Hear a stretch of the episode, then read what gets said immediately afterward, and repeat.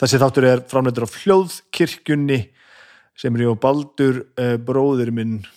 Við stúsum þetta í viku hverri og bjóðum ykkur á alls konar dót, það er sumar núna, ég er lungum búin að missa, missa sjónulæði hvað er í gangi og hvað er ekki í gangi, það er ansi margt í sumafrí ég held að domstæðu sé ennþá í sumafrí drauga fortíða fara náttúrulega hvergi þannig að það er allt í gangi. Um, að ég kannski bara tala um það sem er í gangi sem ég veit er í gangi, það er drauga fortíðar það er besta platan og það er þessi þáttur hér. Og þessi þáttur hér er á 50 dögum og þá tala ég við fólk. Þetta er þátturinn Snæbjörn talar við fólk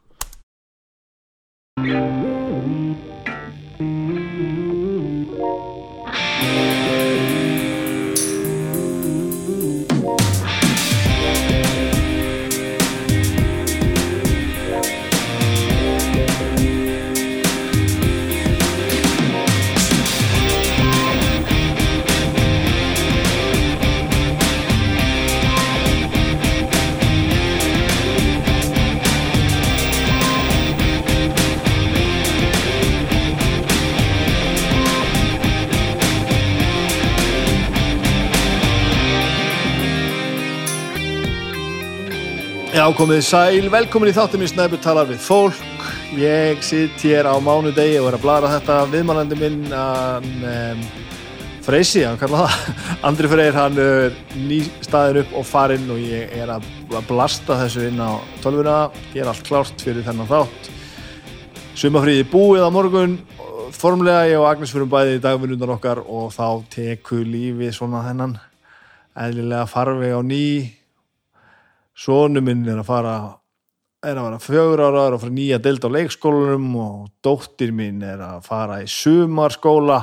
Hún er sex ára og við tekum bara að fara í grunnskóla. Það er alltaf ára, þetta er allt þetta klárast smátt og smátt þetta klárast smátt og smátt. Þannig að já, hátíðan á morgun þá verður allt komið á fullt.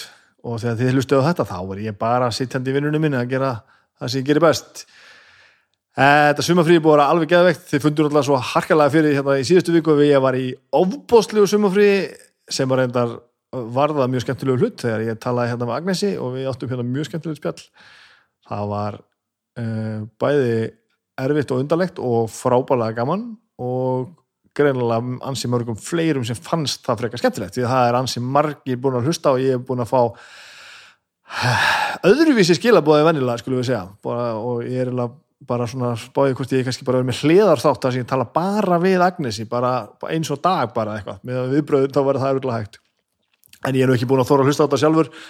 Uh, en já, þetta var helviti gott. Enda, enda afskaplega góð kona, góð manniska hún, hún Agnes. En sumafríðið er að vera búið. Ég var nú samt svo latur og ég var ekki búin að hugsa neitt fyrir neinu, ég á ekkert viðtalinni og ég neita missur viku, ég vil halda þessu á teinunum og ég hérna var komið hviðan út í maðan í gæðir á ekki takit upp mánudeginum, daginn veist, mánudagur vestlunum ekki dagurinn áður en ég byrja í vinnunni, ég var að klára þetta einhvern veginn. Agnes bara sagði, já, ég skal fara bara með krakkan í sund og þú tekur bara eitthvað viðtal. Og ég bara, hvað á ég að bóka? Og ég er með alls konar lista af fólki sem að ég, mér langar til að tala við og ég frona rendi lauslega yfir hann og mjög ofalega á þessum lista var Andri Freyr sem ég ætla að, ætla að tala við mjög lengi. Og ég er svona einhvern veginn með pínu svona yfirgangs óbræði munninum á, á svona sendi hún línu bara koma hérna með einhver fyrir mann tala við mig eitthvað. Og þarna skilur að það er þarna sem maður átt að sjá þegar að manneskjur gera hlutin almennilega og er ekki með vesen. Það liður svona þrjármyndur í messageglöganum og þá sagði hann, japp, ég mæti. Hvar, hvenar, frábært. Hann sem sagt kom hérna upp á hátegi og hann var að fara og við tölum saman held í tvo, tvo tíma eða meira og þetta var ógislega gaman. Hann er ekki eðlilega skemmtilegur. Ég er hins að fullt af, af hlutum sem að ég hafði ekki hugmyndum, ég og Andri erum ekki alls ekki nema kannski góðir kunningar í bestafalli við höfum aldrei einhvern veginn verið alveg samtíða og þekkjumst ekkert stórkostlega vel fyrir en kannski nákvæmlega núna. Þannig þetta var ansi þetta var ansi gott, djúðarlega gott. Annars er ég bara búin að spila Playstation, Last of Us, ég er búin að vera að horfa Norsman með á Netflix, Norsmenn með Agnesi á Netflix. Ég er búin að horfa á ólimpíuleikana frjálsar. Það er skemmtilega sem ég geri, er að horfa frjálsar íþróttir á ólimpíuleikunum þegar Bjössi vinnu minn er að lýsa þeim, djúvöldara ógeðslega gaman. Djúvöldara ógeðslega gaman. Þar fyrir utan er ég bara búin að vera að reyna að hysja eitthvað upp í mig, það sem ég er búin að trassa að gera þegar ég er búin að vera í fríi.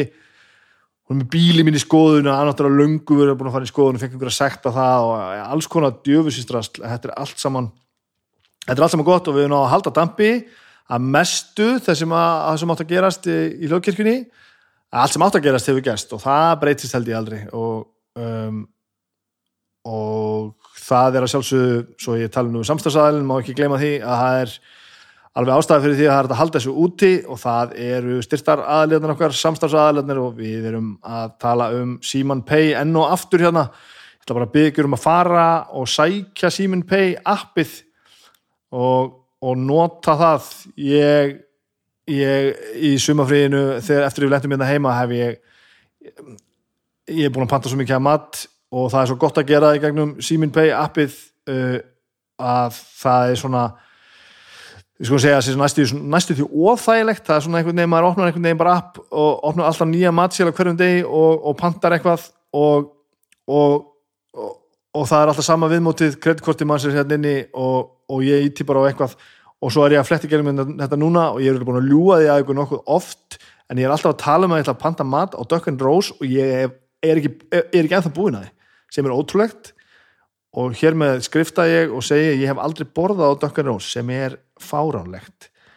Það er fáránlegt. Það er að gera margt fleira í þessu storkuðu appi. Ég legg bílum mínum uh, daglega þegar lífið er ekki í sumafrí gegnum appið lettkaupstilbúðin eru fjölumörg ég bendi ykkur á að það er ennþá hægt að fá þessa ótrúlegu Galaxy Tab A7 uh, spjaltölvu á 36.000 tæp en ekki 60.000 bara í gennum tilbúrsflipan hérna. Og svo er þetta að kaupa það er þetta að kaupa gjafabrið hjá Play og það er þetta að gera bara allan fjandan ég, þetta er hérna, minningur á það þið þurfuð ekki að vera á símanu, þið þurfuð ekki að skipta reyngum alveg hvað greiðslukortafyrirtæki eru hjá Simin Pay, appið eh, já, bæti bara lífið og bæti mitt líf til muna og allar mínar kærustu þakkir fyrir að, nanna að gera þetta með mér Þetta er gott, ég ætla ekki að blara meira hér, ég ætla að, að renninginum þetta viðtal og svo droppa ég hérna aðeins einhverjum setningum á okkur og eftir og, og svo ætla ég að fara og fara að gera eitthvað með börnunum mínum.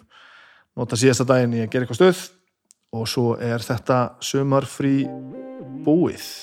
En þetta hér er skemmtilegt viðtal. Þetta er ég og Andri Freyr.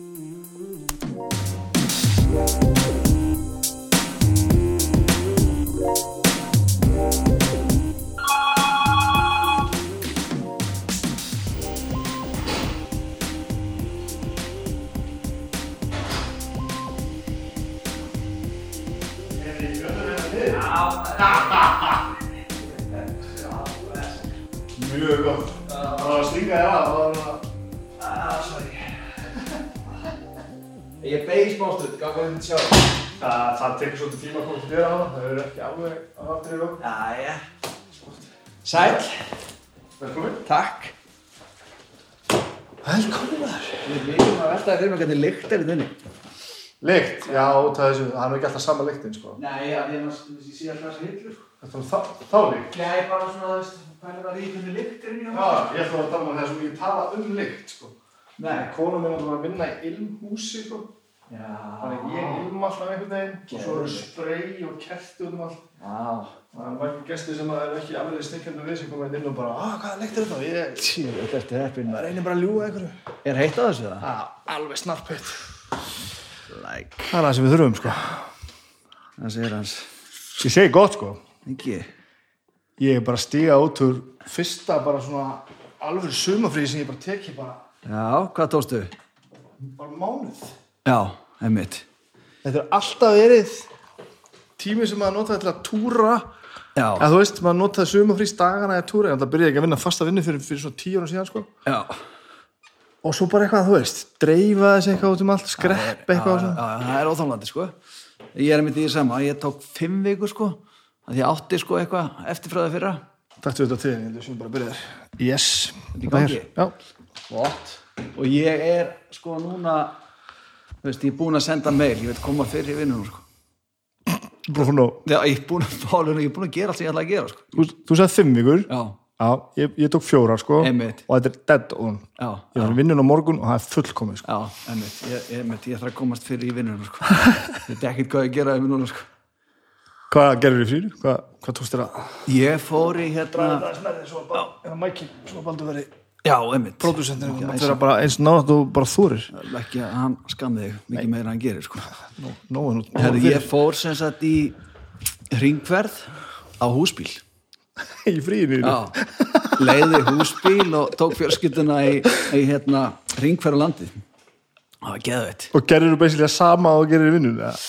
já, í raunin ekki sko, ég er svona stoppað eins lengur núna sko og hérna var ekki undir nefndi pressu sko að vera eitthvað svakalega skemmtilegur en bara svona hæfilega skemmtilegur svo maður verður ekki alveg ofaldi það er svona aðeins aðeins öðruvísi að maður getur kert það sem maður vill sko. Og ég var basically að gera það sem að 90% af Íslendingum var að gera, það var að elda sólina sko. Já, það var allir að þessu sko. Það var bara svo mikið hjarðhegðun sko Þú veist, kannski hitta saman fólki sem þú hittir á tjárstafan og höfn sko, svo Já, í Fossastal og svo. Eskifyrði og svo Akureyri og... ég ápínu erfitt með þetta sko fyrsta lagi, þú veist, er ennþá eitthvað eimir í mér, þú veist, af einhverjum gömlum rebel pöngara sko, Já. sem er þetta lungunum gældur en þykist eitthvað já. að vera tjá sig sko Já, já. en ég skil ekki lókikina í ég skil alveg að vilja vera góð, góðu veri sko og það allt saman mm. en þú skulle vilja elta staðinn þar sem þú veist að allir eru að fara þú veist að Já. talstaðin vera full búin að vera tómar, klósin vera ógisleg já, er ekki betra að fara á næst besta staðin jú, en ég held að við séum bara svolítið föst í því ennþá í hugsun sko að við höldum að það sé enginn að ferðast. Og við höldum sko, við höldum að hérna, já nú er landið svona ekki alveg galopið þannig að það er ekkert svo margir skilu, þú veist að halda þetta allir þetta sko. og svo er þetta í þú veist, svona pakka svo við sko, þetta húsbíl sem er með ramagn?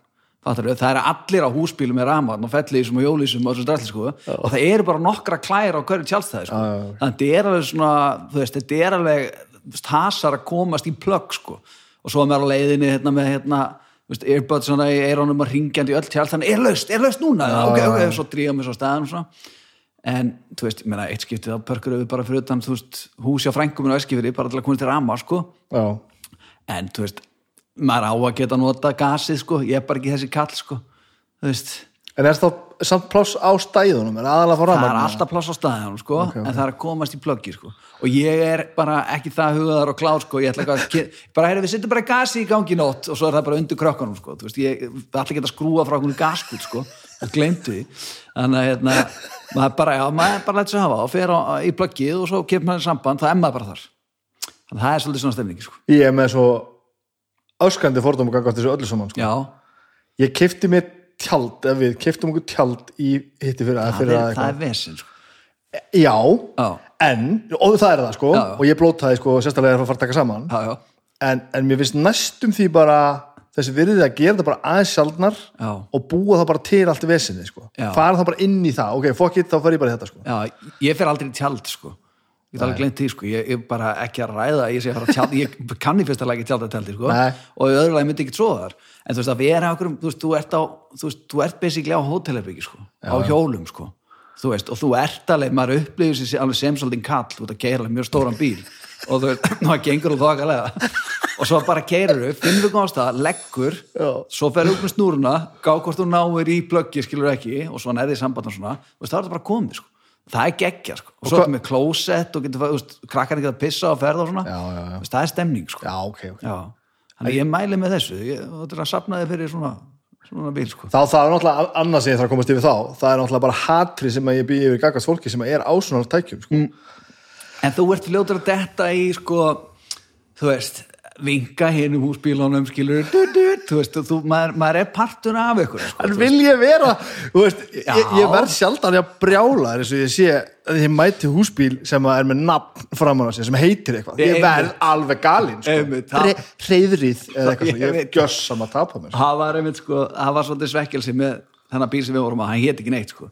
Það var bara eitthvað leigubíl sko þannig að veist, við vorum ekki að ræða hvað, ef við ættum að, hvað myndan heitar skil, oh. þannig að veist það er, það, mér finnst það stemning sko að hann heit eitthvað og svo sjáum maður hérna er litli rauður, þú veist, sáum hann okkur sem skilur, fannst alltaf gaman að sjá hann ég, ég verð galinn sko. ég ætla að gera þetta, og ég ætla í alveginu nær mér ég verð í alveginu frekar pyrrað sko. og erum bara að komast into the groove kaupa eitthvað svona sérstakann hatt sem ert með og það gera skipstjóra hatt eða eitthvað og við erum bara í stuði sko. og svo hérna, að brottför eftir tíu mínútur bara hafa gaman að þessu ég gerði það allan Þetta er sérlega auðvitað líka að komast í tempói þegar þú ert á tempóna því ég er bara já, á bara svona 95 til 100 Já. þið eru það bara ekki sko. nei, nei, nei, nei.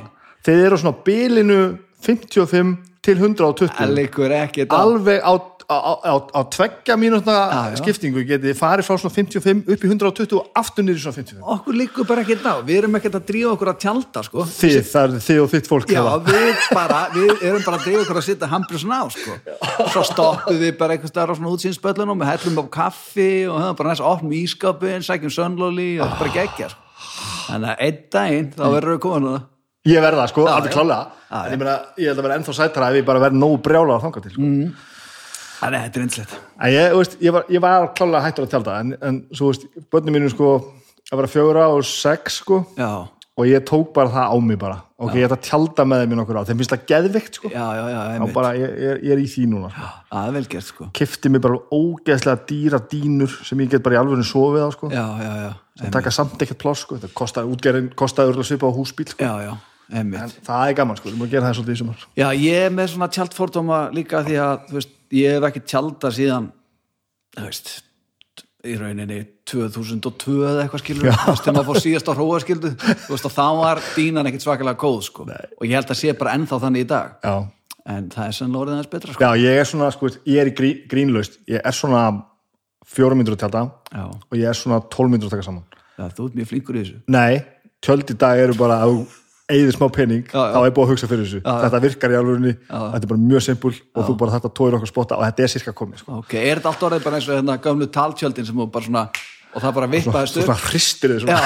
nema þau voru algjört crap, sko, þannig að núna er þetta kannski orðið þannig nema þau eru betri. Já, þú er einhverja svona, einhverja svona, þú veist, sveigjanlega súlu sem þú þarf svona aðeins að koma á, á sín stað, sko, og svo tósur þú bara einhverja spotta þá eiginlega rís það bara, sko, Já, já. og það er rísa stórt, sko, Já. það er bara fortjald og millitjald og tvær, þú veist, tvö svefnirbyggi ef ég vil hafa þannig, sko. Það sko. En þú veist, ég nenni þess ekki að unglingar, þú veist, krakkandur undir unglingar, ég er ekki að tjalda fyrir sjálfa mig, sko, Nei, nei, nei, nei, nei. þá detti ég, þá ringi ég því bara, hvað, hérna, hvernig húsbyrðu, Já, ég skal nú segja það.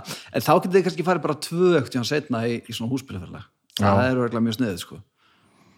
já, ég þarf, ég þarf að kingja svo miklu, sko, ég, það er svo margt annað sem ég þóli ekki, sko. Lesa, þú verður komin í hópin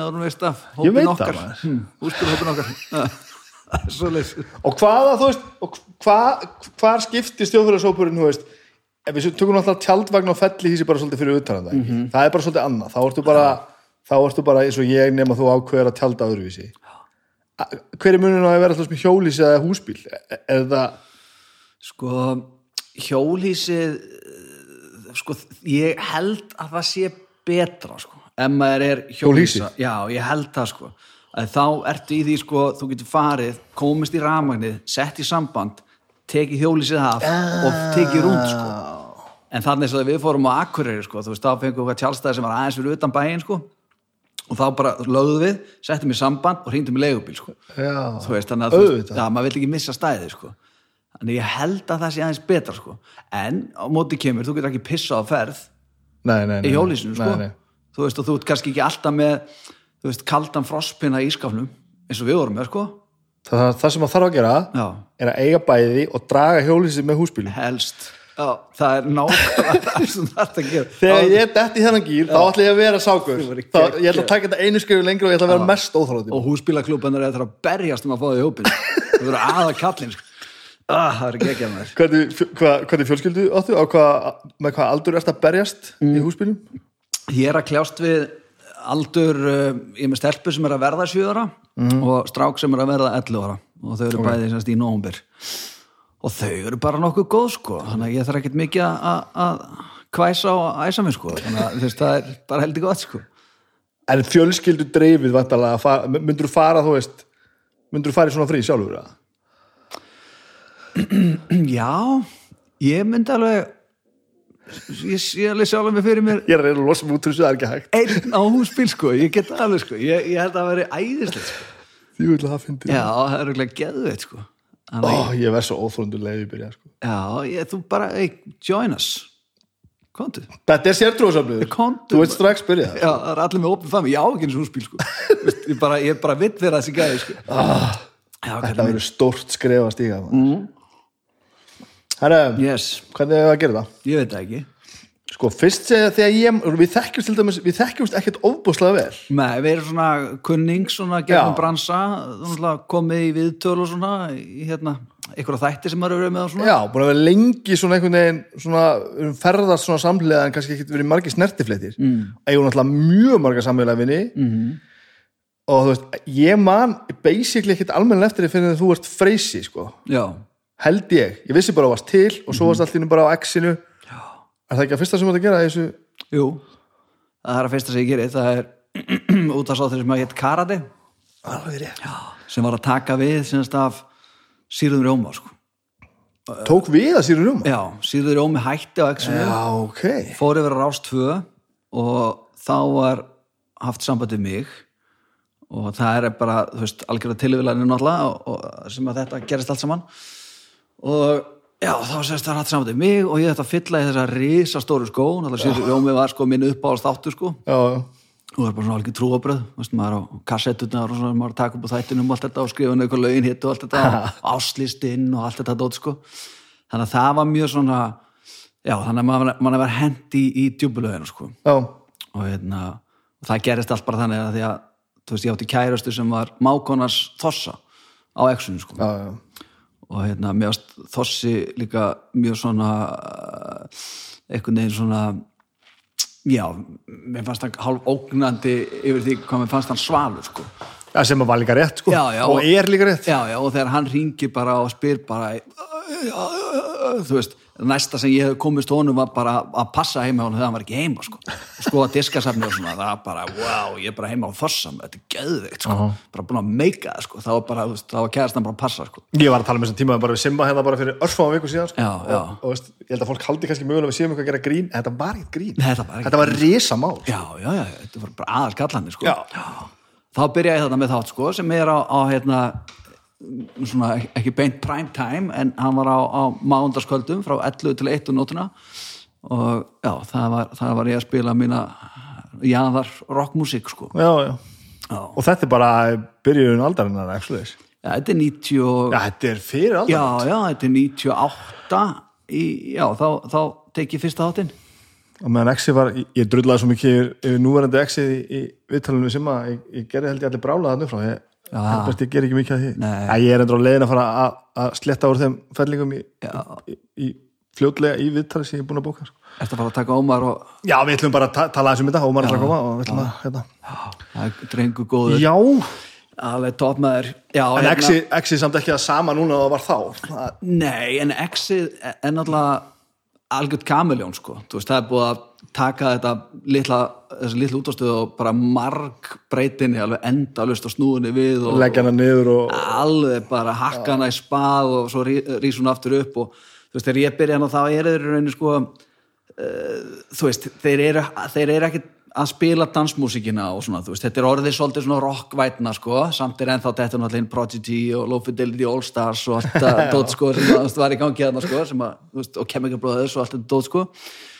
En svo gerist það, sko, stutt eftir að ég byrja hana, þá, þá kemur sérst þegar kanin tekur yfir í veist, það er svona ákveðin svona vendipunktur í X-unu, þá, þá hérna, kaupa þetta einhverju amerikanar og þeir koma með fullta nýjum reglum inn sko, sem okkur fannst alveg störlaða reglur og bara guðurugla dæmi sko, þú veist, þá var bara alltaf talað um það sko, því minni sem playlistin er því betri. Já, já. og þú veist, þú átt ekki að ráða því hvað þú spilar, skilur þú veist, þú átt ekki, þú, þú veist, það skiptir engum alveg hvernig þér líður og hvað þú vilt spila. Þú veist, hlustandinn á að ganga því vísu, þegar hann kemur inn í bíl, þá heyrir hann í krít skilur, veist, þe- þetta litla korter sem hann er á leiðinni í vinnun og úr vinnunni þá á hann að heyra veist, Já, það á hann að heyra with arms wide open skilur, þannig hann elskar það sko.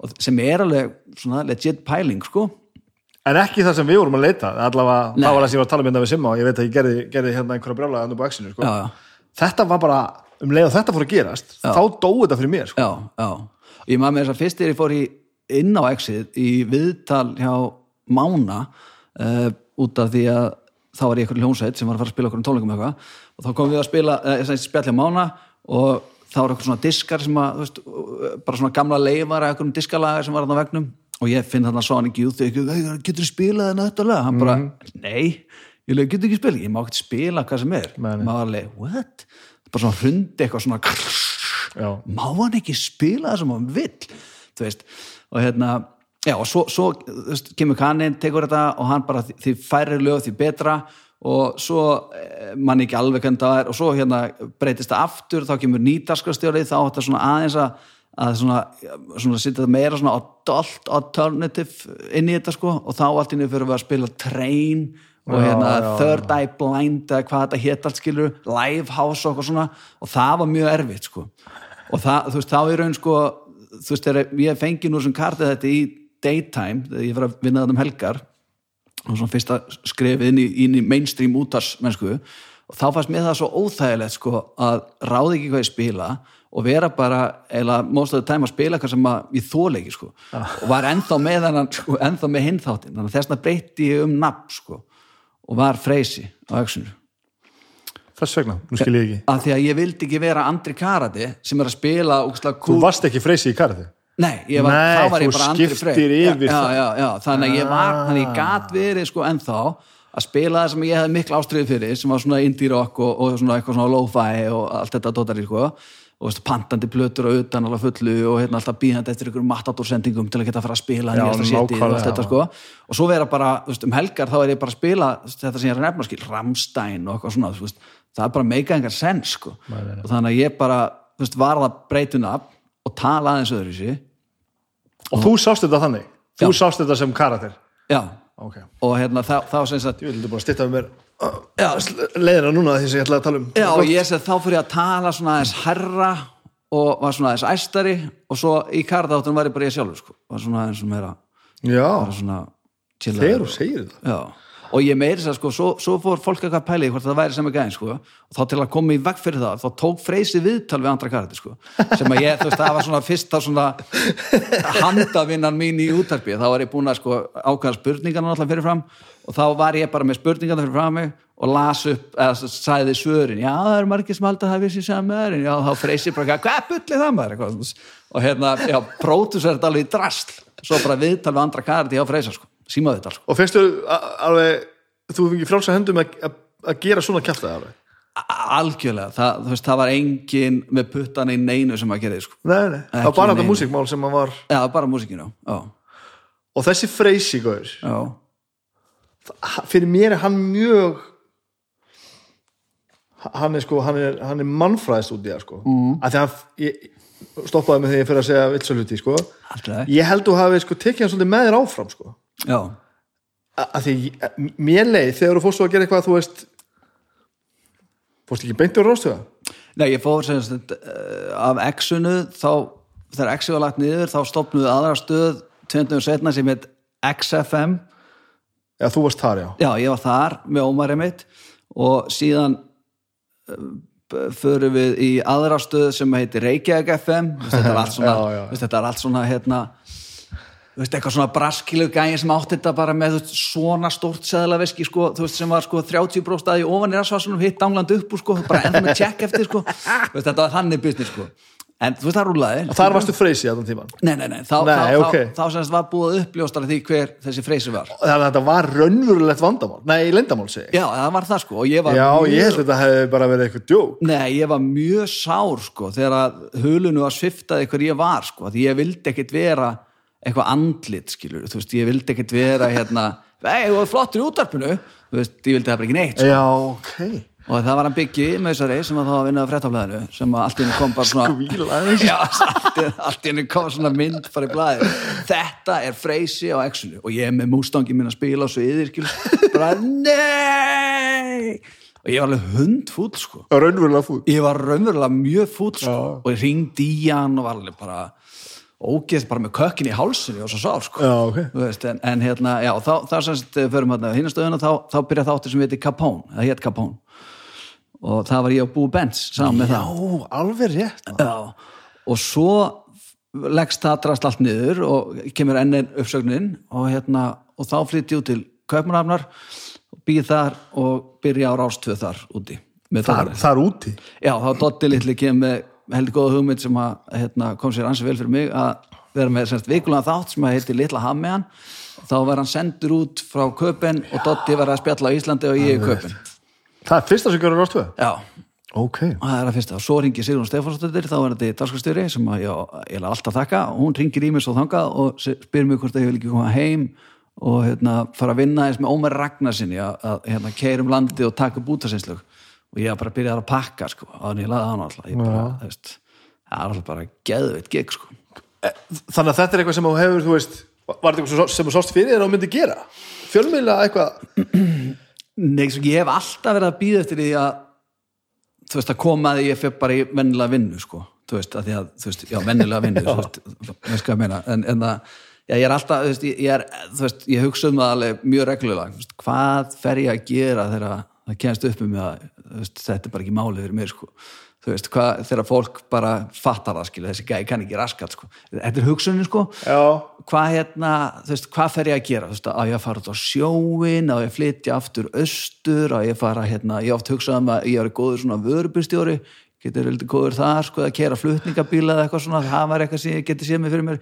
Eða, ég veist, ég var fýll leigubustjóri ég get alveg gert það, sko, það er alveg að vinna svolítið mikið alltaf leið, það er ekkert að sofa það mikið, skil ég get verið rosalega mikið að vinna á, á kvöldin og nóttin og svona, það fengi meiri pening, sko þannig að, hérna, já, það er svona hugsunni sem er alltaf creepin. Já, ég, sko ég er náttúrulega ég tek þetta náttúrulega alls ekki að taka það sem þú ert sem fjölmjölum, að því þú ert náttúrulega fyrsta lagi góður sem þú gerir og öðrulega hefur eitthvað svona sem finnur ekkert alls þar annar staðar. Það er eitthvað svona, og það var þess að ég ætla að tala um þetta með kannski er þetta bara þú og ekki þessi freysi karakter en, en sko, þegar, þegar þú fórst að tala við sko, það sem manni fannst þá að vera sko fullóta fólki, þú ert komin út úr þessi svona aðeins út, aðeins á jæðrinum í einhverju svona þetta rockstús allt saman og við svona máttum svolítið segja það sem við vildum segja. Komin inn á rúf sko. Já, já, já, þá fyrir maður svona aðeins hérna ok, þá fór ég ofta að pæla ég bara hvernig, hvernig helvítur kennst það upp með þetta sko? Að því þú ert stundum varst og ert held ég með, með ég segja eða bara skýt kaltæðin dóni sko. Já, já, einmitt. Og ég er alveg að gátta þar á þess að þú skilur að því að, og svo cover er þetta sem eitthvað svona grín bara? Já, já. Ég held sko ég held að hérna að því ég hef oft veldur þessu fyrir mig sko ef að, þú veist ef einhver annar á rástöðu myndi segja eitthvað sem ég missi út úr mér eða, eða eitthvað svona rángfæslu sem er bara galinn sko að þá hérna væri bara svona sammekkitt í saklega góðum málum sko. en ég held sko að ég sé komið með eitthvað svona "Ja, þetta er nú bara andri, þú veist. En er, er, ertu svona mikill dúsbæk?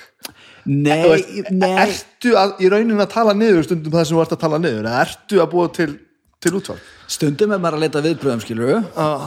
en stundum er maður bara þú veist, maður kannski ræður ekki alveg vissi það, það, það það er oft annir sem er mjög góður eiginleikir maður að vinna í fjölmjölum já, ég veit í beinu það. útsendingu en ég held líka að það sem að hérna, hefur hjálpað mér að, að hérna, fá þetta frelsi sem við erum að ræða hérna þú veist, það er að ég er rosalega fljótur að leiðrétta viðleysunar skilur og ég er mjög snöggur að beðast afsökunar á okkur eða bara eftir viðtalið að lægi eða auðlýsingun þá get ég komið inn bara já, kannski aðeins og hérna hljópa aðeins á mig hann er þetta ekkert svona skilur veist og bara skiptum skoðum bara svona sko. Og ég held að fólk sko þykir mjög vænt um það sko. Og færðu raunverulega þennan móral að þú veist, áttarið á því bara ah, fokk, ég gekk að svo langt eða er þetta bara partur af öllu, öllu? Já, ég fæ kannski ekkert móral sko.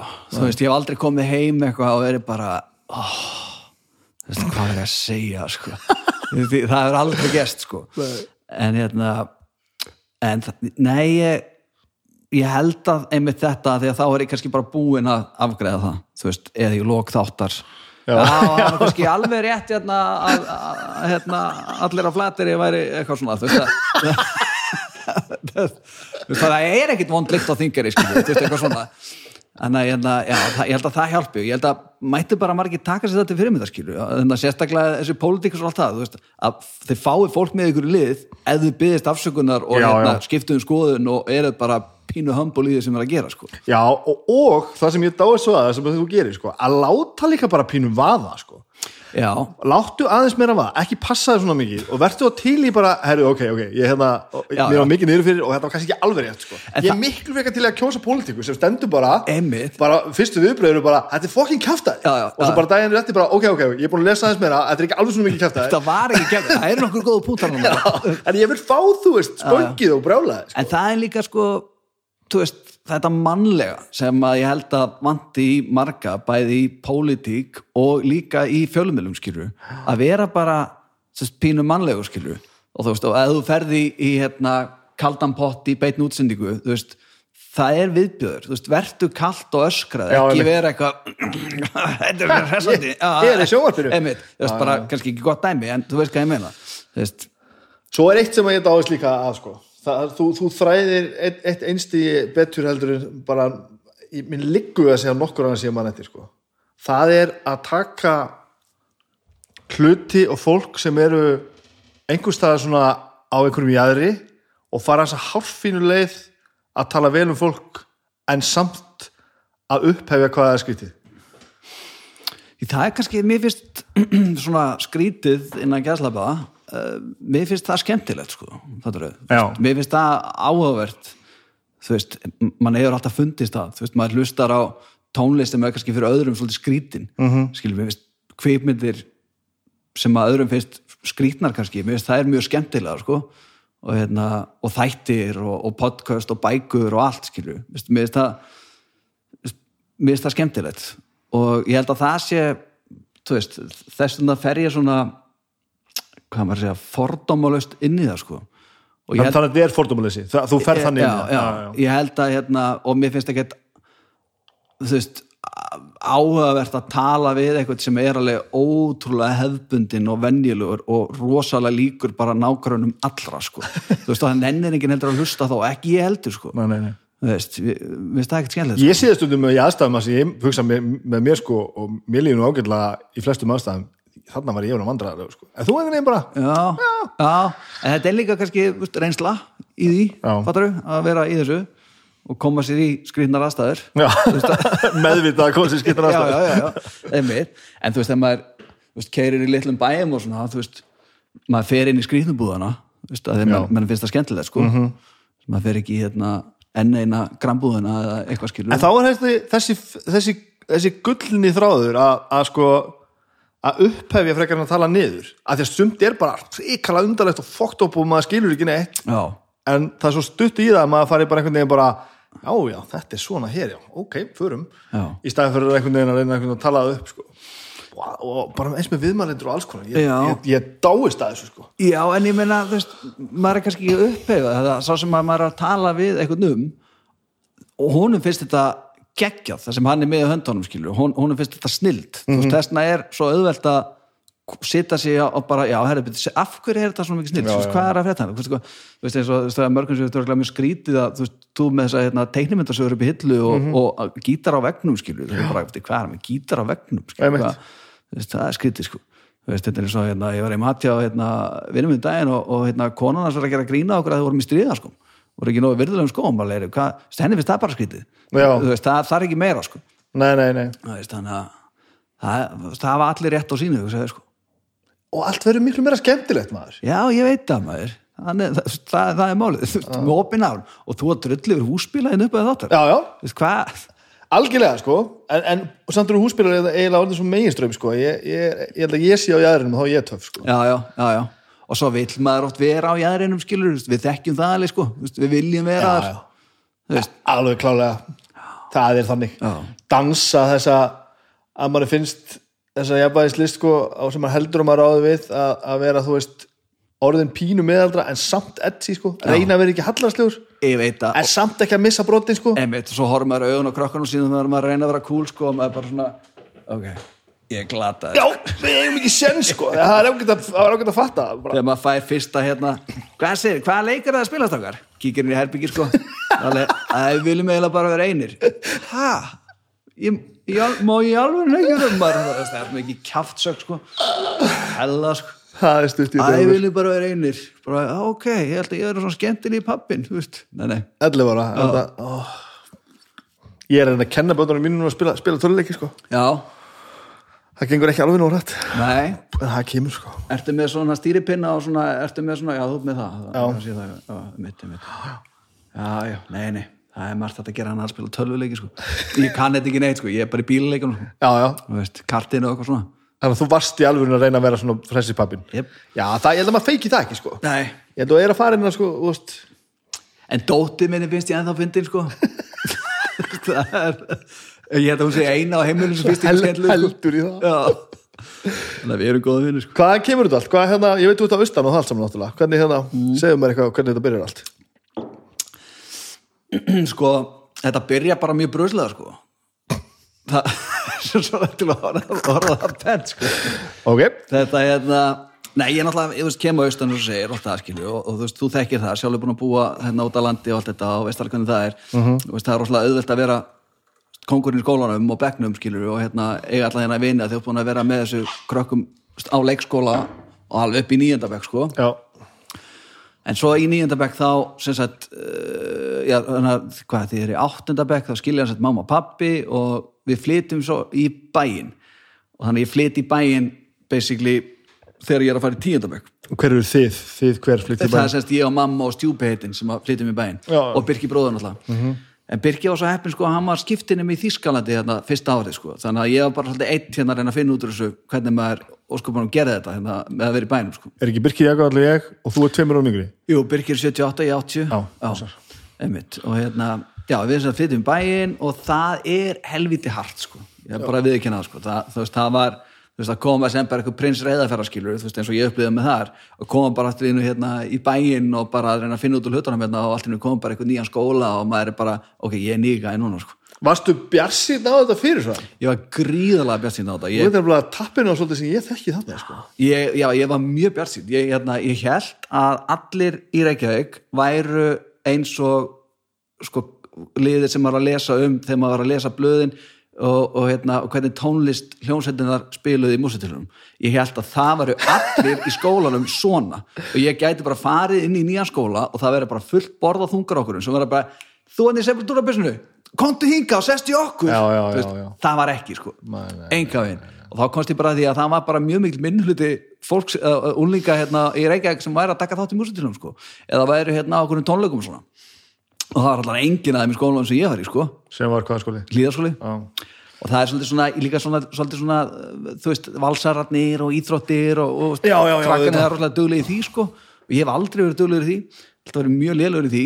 Og það var mjög hérna, hörlending að fara í fyr- fyrsta tíman í nýjum skóla í tíundabæk í sko hlýðaskóla beint í íþróttir það var alveg hella sko. Já. og ég bara í einhvernum pálmatrjám svona stöpu sem með, með einhvernum svona pelikunum á pálmatrjám bara, bara leit út bara eins og einhver gæi í antrak sko. Þannig held ég að þannig held ég að þetta vera skilur þú veist, þú sé það alltaf í stöpu sem eitthvað fípskilur eitthvað svona strandastöpu að ég var sákaði skilur, með sítt hár eitthvað og bara lokk í nefinu og bara, ó menn, bara gæti ekki greipi bolta og bara fuck, ég bara, bara eftir fimm mínútur veist, þannig að það var helviti snúið sko. Og svo svona einhvern veginn fyrir maður að finna þú veist, hægt og rólega hérna, einhverja svona aðra misfits sem að hérna sem að gæti svona fundið eitthvað svona samilan flöt með sko.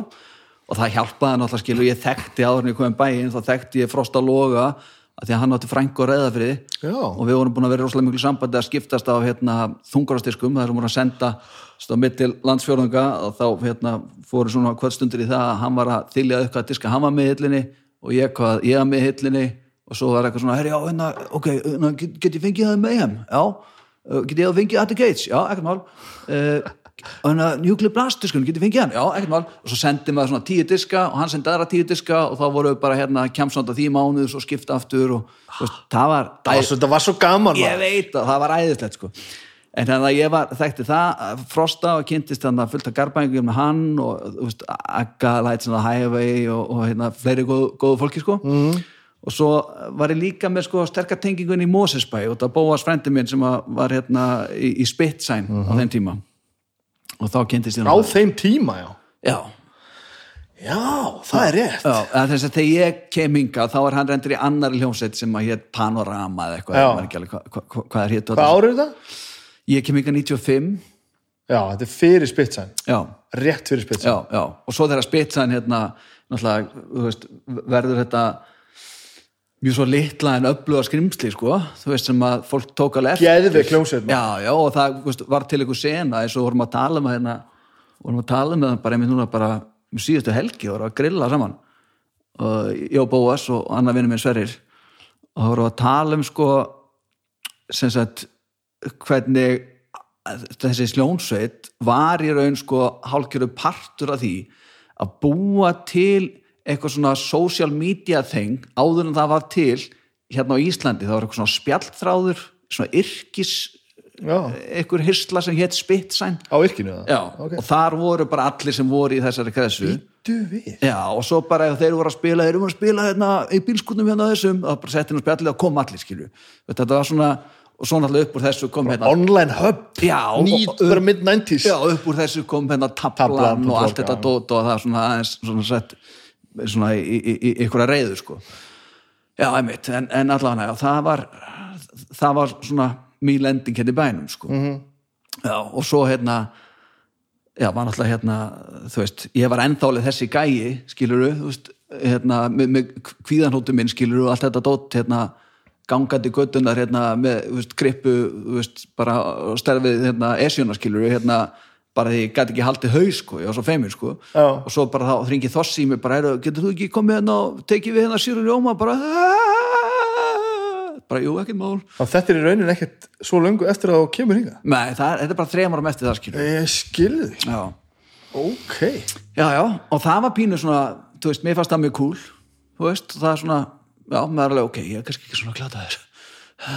Það er kannski von skilur, varstu kviðni og glataði krakkinu á hann fyrir austan, eða varstu bara nei, það, þá var ég alveg bara kassin út. Bara, já, já, og svo bara kem ég hingað, er bara krumpa saman sko. kildur í maðan bara Já, bara hérna, já, basically bara lamin niður, bara þú ert ekkert svona merkilegur bara, ok, that's right.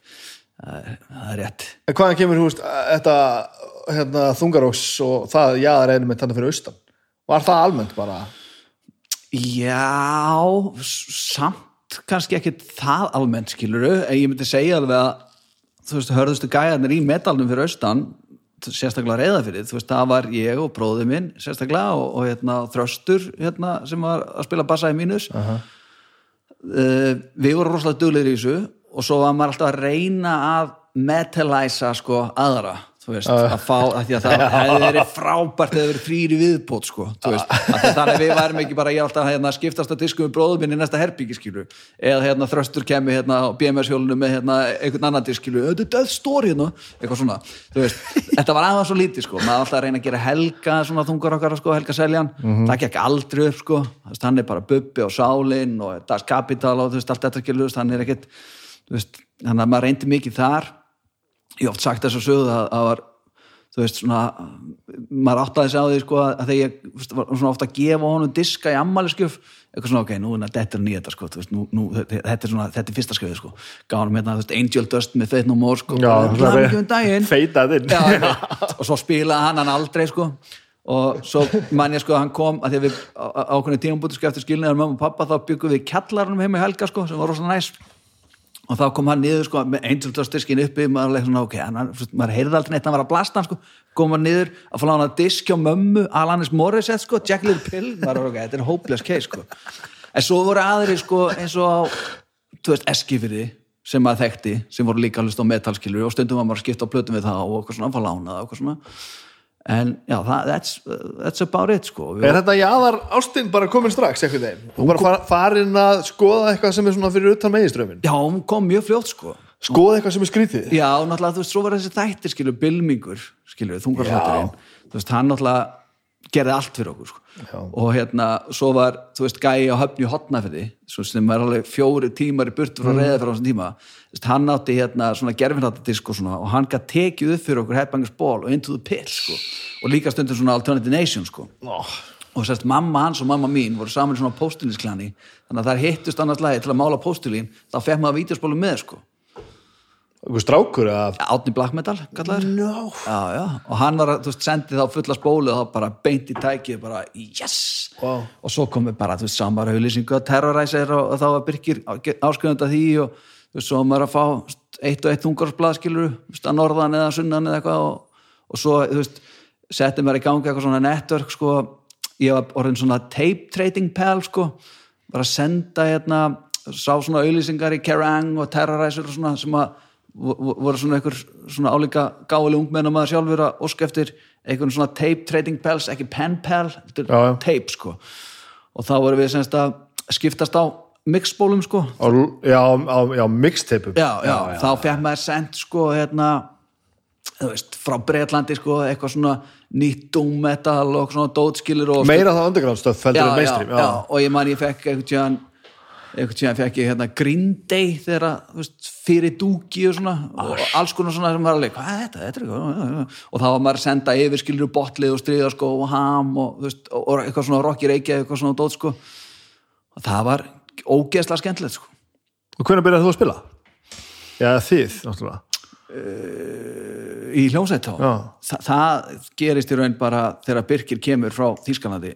Þú byrjaði ekki fyrir að koma hingað? já, ég hef aldrei spilað á neitt sko ok, og hérna, ég, ég var ofta reynd að vera í tónlistaskóla og okkur svona það gekk aldrei upp sko. Aldrei með hann aga sko. Og já, svo semst, þá var ég búin að kynast honum Magga, mm -hmm. Lætsson Hævæga og Ragga leði, nei Ragga hérna Bísund, bassleikara. Og við, ég sagði þeim að þá vorum við að tala um einhver svona partí í Mjölnisholti, ægungosnæðinu ó já, ég hefði þar. að margt sem við gæst það sko. Þá vorum við að tala um það hérna, þá vorum við að stopna eitthvað svona, við erum að stopna band sko, því vorum að hitta svona einn fyrst skipti og vorum svona nokkuð svipaði sko, þú veist, Fílum Helmet og Fílum Heavy Stuff líka og Jesus Lizard og Sonic Youth og Nirvana og Beck og allt skilur og allt þar á milli sko. Og hérna, vorum samt svona pínu svona ólíkir sko. Og Raggi var meira svona, svona með sjúka og svona technical metal stöfi sko.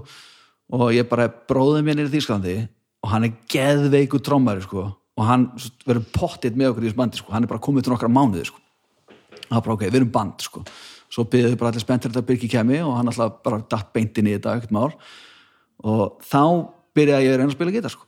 Og það var alveg já, það var alveg helst átak sko. En þú veist, ég hef aldrei æft mig heima sko.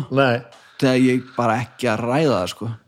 Ég sé bara já, enga fegur í því að sitta heima einn með gítarinn sko nei, nei, nei en þá bara gerði maður það sem maður gat skilur, og ekki sá svona um mestu líkjurnar og það flóknasta sko Mhm. og ég eldi bara eða gerði einfaldari útgáfur af því eða bara gerði á eitt streng með góðan distortion pedal í gangi og það bara small allt Já, ég er nú einn í hljómsveit sem gerir mikið að því að spila á eitt streng með distortionpedal, Já, það já. er oft gerir, gerir helling sko. það gerir helling og sérstaklega með hérna, manni hvað hétt pedalin sem það hétt feedback distortion að ef þú stóðst á honum Nákvæmlega. þá feedback Ég átti svona pedal Já, já, hann gerir rosa mikið fyrir mann sem kann ekki neitt sko. það geta bara traðka á pedal og búið til væl og stóð maður bara eitthvað mm, og hinn er að gera ógslag mikið sko. Ég er að fara á eBay eða Reverb eða eitthvað eftir að aðtók hvað svona pedal kostar. Já. já, must, must have sko. En þetta, og sko, ég man sko fyrstu tónleikunum og svona sem vorum að spila á eða fyrstu, ekkert bara fullt af fullt af fyrstu tónleikunum þá voru alltaf þessi moment sko, það sem að Aggi stóð á móti mér á sviðinu og var að stilla gítarinn minn sko. Já, já, þú veist að ég kunni það ekki sjálfur sko. en svo lærði maður alltaf bara ekkert mál á. Þetta band er í einhverjum rosalegum ljóma sko. Ég misti ein- einhverjum þetta vegna aðeins af sko. Ég er ekki svona viss með að sé Bissund spila nei þannig að ég, sko, veist, ég, svo hef ég bara hlusta á þetta sem hægt er að nálgast og haldt saman sko. Já, já. og ég, og ég skil, þetta er auðvitað það er einhver geðvíku galdur á þarna sko. já, einhver svona einhver svona frumkraftur sem þú byrði ekki til veist, eitthvað sem bara svona gerist bara ef það gerist en það er bara fólk sem að þú veist að því ég, er svo að koma hérna kannski aðeins og eftir hvaða árið er þetta við sem sagt eh, tökum þáttan í músitilunum 97 eða 6 já, var ég, var ég ekki 97 innum ástins 97, er þetta ekki? Það er ekki manni ekki. Erum við sama árið. Ég, Vi, við erum árið sem spitsanir sko. hver er unnu hjá ykkur, mástu það? svoðum fyrla, Já, nei, þá erum við ára eftir. Við erum sagt þegar Steiner vann. Er það ekki 98 þá? Nei, er það? er það? 96, allavega, já, ekki, ekki sama árið allavega. Nei. Ég, mér finnst þess að það sé 97 Já, kannski var ég 96 þá, já, það já, já, já, já, já. Það er þetta að googla þetta ekki Við getum googlað það. já, en við nennum þið ekki. Já, Við erum ekki að því. Nei, nei, nei, nei. já, og einmitt eh, það, einmitt, þess að segja, eitthvað svona frumkraftur því við vorum svo hérna líkir en ólíkir, sko. Já, veist, við hlustuðum allir á svo svipað en ósvipað sko.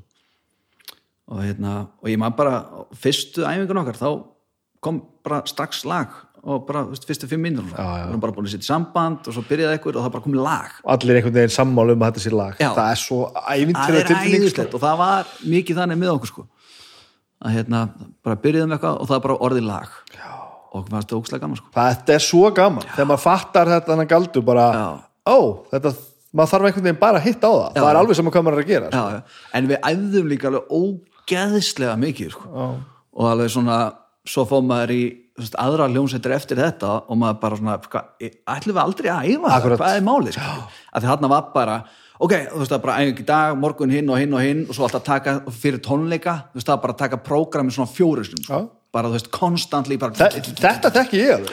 Einmitt, og bara þú veist, á við kunnum lögin alveg bara að það er ekki það sama sko. Það er ekki það sem við verum að búa til já, já, og svo, þú veist, svo emma er sko eins og vorum að tala með það veist, við erum gamlir og hallarsleir skilju við erum að reyna að halda í eitthvað kúl og og bönnunum okkur finnst við alveg pínu gladaðir það er bara eins og það er. En, á að vera þannig. Já, já, og svo er maður alltaf að reyka sig á eitthvað þú veist, þegar maður er eitthvað svona já, sko, þegar ég var nú yngri krakkar þá var þetta bara skemmtilega sem ég gerði. Og þau eru bara, what? og maður er svona, akkur viljaðu ekki gera þetta sem ég fannst svo skemmtilegt, skilju en þú veist, það maður reyka sig á það sama, sko, ég var að horfa hérna uh, dataðins inn á músitilunum daginn sem var, voru í sjónvarpinu hérna og rúf tvöð eitthvað. Og þá var hérna eitthvað svona atriði úrslitin eitthvað, það var eitthvað svona atriði sem- eitthvað svona bara mjög frambarlegur unga maður að syngja lag og hljómsveit að spila undir af playbacki sko. Þú veist, talar mústinu núna já, já, já. þannig að þú veist, þetta var ekki ekki elektrónisk músík þetta var bara, bara veist, guð veit hver sko, það var bara gulli brím bara að spila á trommur skilur og hérna, þú veist, ég veit ekki hver að spila gítar eitthvað svona óksla pró upptaka sko Mhm. -hmm. og svo var hann bara að syngja yfir og ég bara, ég veist ekki hvert ég ætlaði bara má þetta Já. þú veist, við eittum bara, þú veist sólarring eftir sólarring eftir sólarring til að æfa okkur fyrir þessa stund sko. Akkurat. en svo kemur bara einhver gæði hana rétt ræski sig hann að baksis situr hérna auður spilíkilin sinni samband og bara spila lægi mm. -hmm. og það er alltaf eftir þetta já, já, ég var æfur já ég, og ég skilji sko og ég skilji, að því að mér finnst þetta bara ekki að vera sama en, en, en sko fyrir mér þetta, er þetta að gera allt vel að illa sko ef þú getur látið þetta virka og, og mér finnst þetta frábært Já, já. þá skilja að vinna já en ef ekki, algjörlega. þá dæmur þetta sér bara sjálft sko. ég er að segja einmitt sko að maður er alltaf að reyka sá hana veg skilur. Já, já. að maður er svo hissa að hlutinni sé ekki eins og voru fyrir 20 ára síðan sko. Nú er ég búin að vera að, þú veist, ég tók vitrænum við Króla um daginn og hérna Magnús Jóhann fyrir, hérna, fyrir hljóðfarahúsi og svona, mm. svona kynnslóði sem er að koma eftir okkur, hljóðfara svona tónlistar ekkert endilega meira tónlistarfólk en við vorum, við, við vorum svolítið kannski- komum svolítið úr svona sama staðnum, bara taka upp gítarinn Já. og verið hljómsitt já, og svo vorum við bara í fucking hljómsitt ég spilaði á gítar og söng og Billy spilaði á bassa Aggi, Aggi spilaði á trommur og Böbbi spilaði á gítar og öskraði. Og það var þannig og við vorum saman í mörg ár Já. í hljómsitt þetta fólk sem að ég er að tala um hérna sko, það er bara svona í einhverjum svona projektum sko. Já, bara, herðu, ég er hérna með textahugmynd og þá allt í einu bara, þetta er geðveitt Einmitt. herðu, hérna Sigga var með einhverja pælingin um það ég vil að ringja það síðan og svo allt í einu er þú veist, einhver svona grúpa komin inn í sama herbyggi eða kannski bara sama spjallklukkan eða hvað það er sko, Já, að búa til einhverja djöfulsi snild sko. Já, já, já. á meðan fyrir okkur var þetta bara svona svona ósnertarett entity, þetta er bandið og kannski veist, gestasöngur í einu lagi og þetta geður flippaður sko, Já, já, þú veist já, já.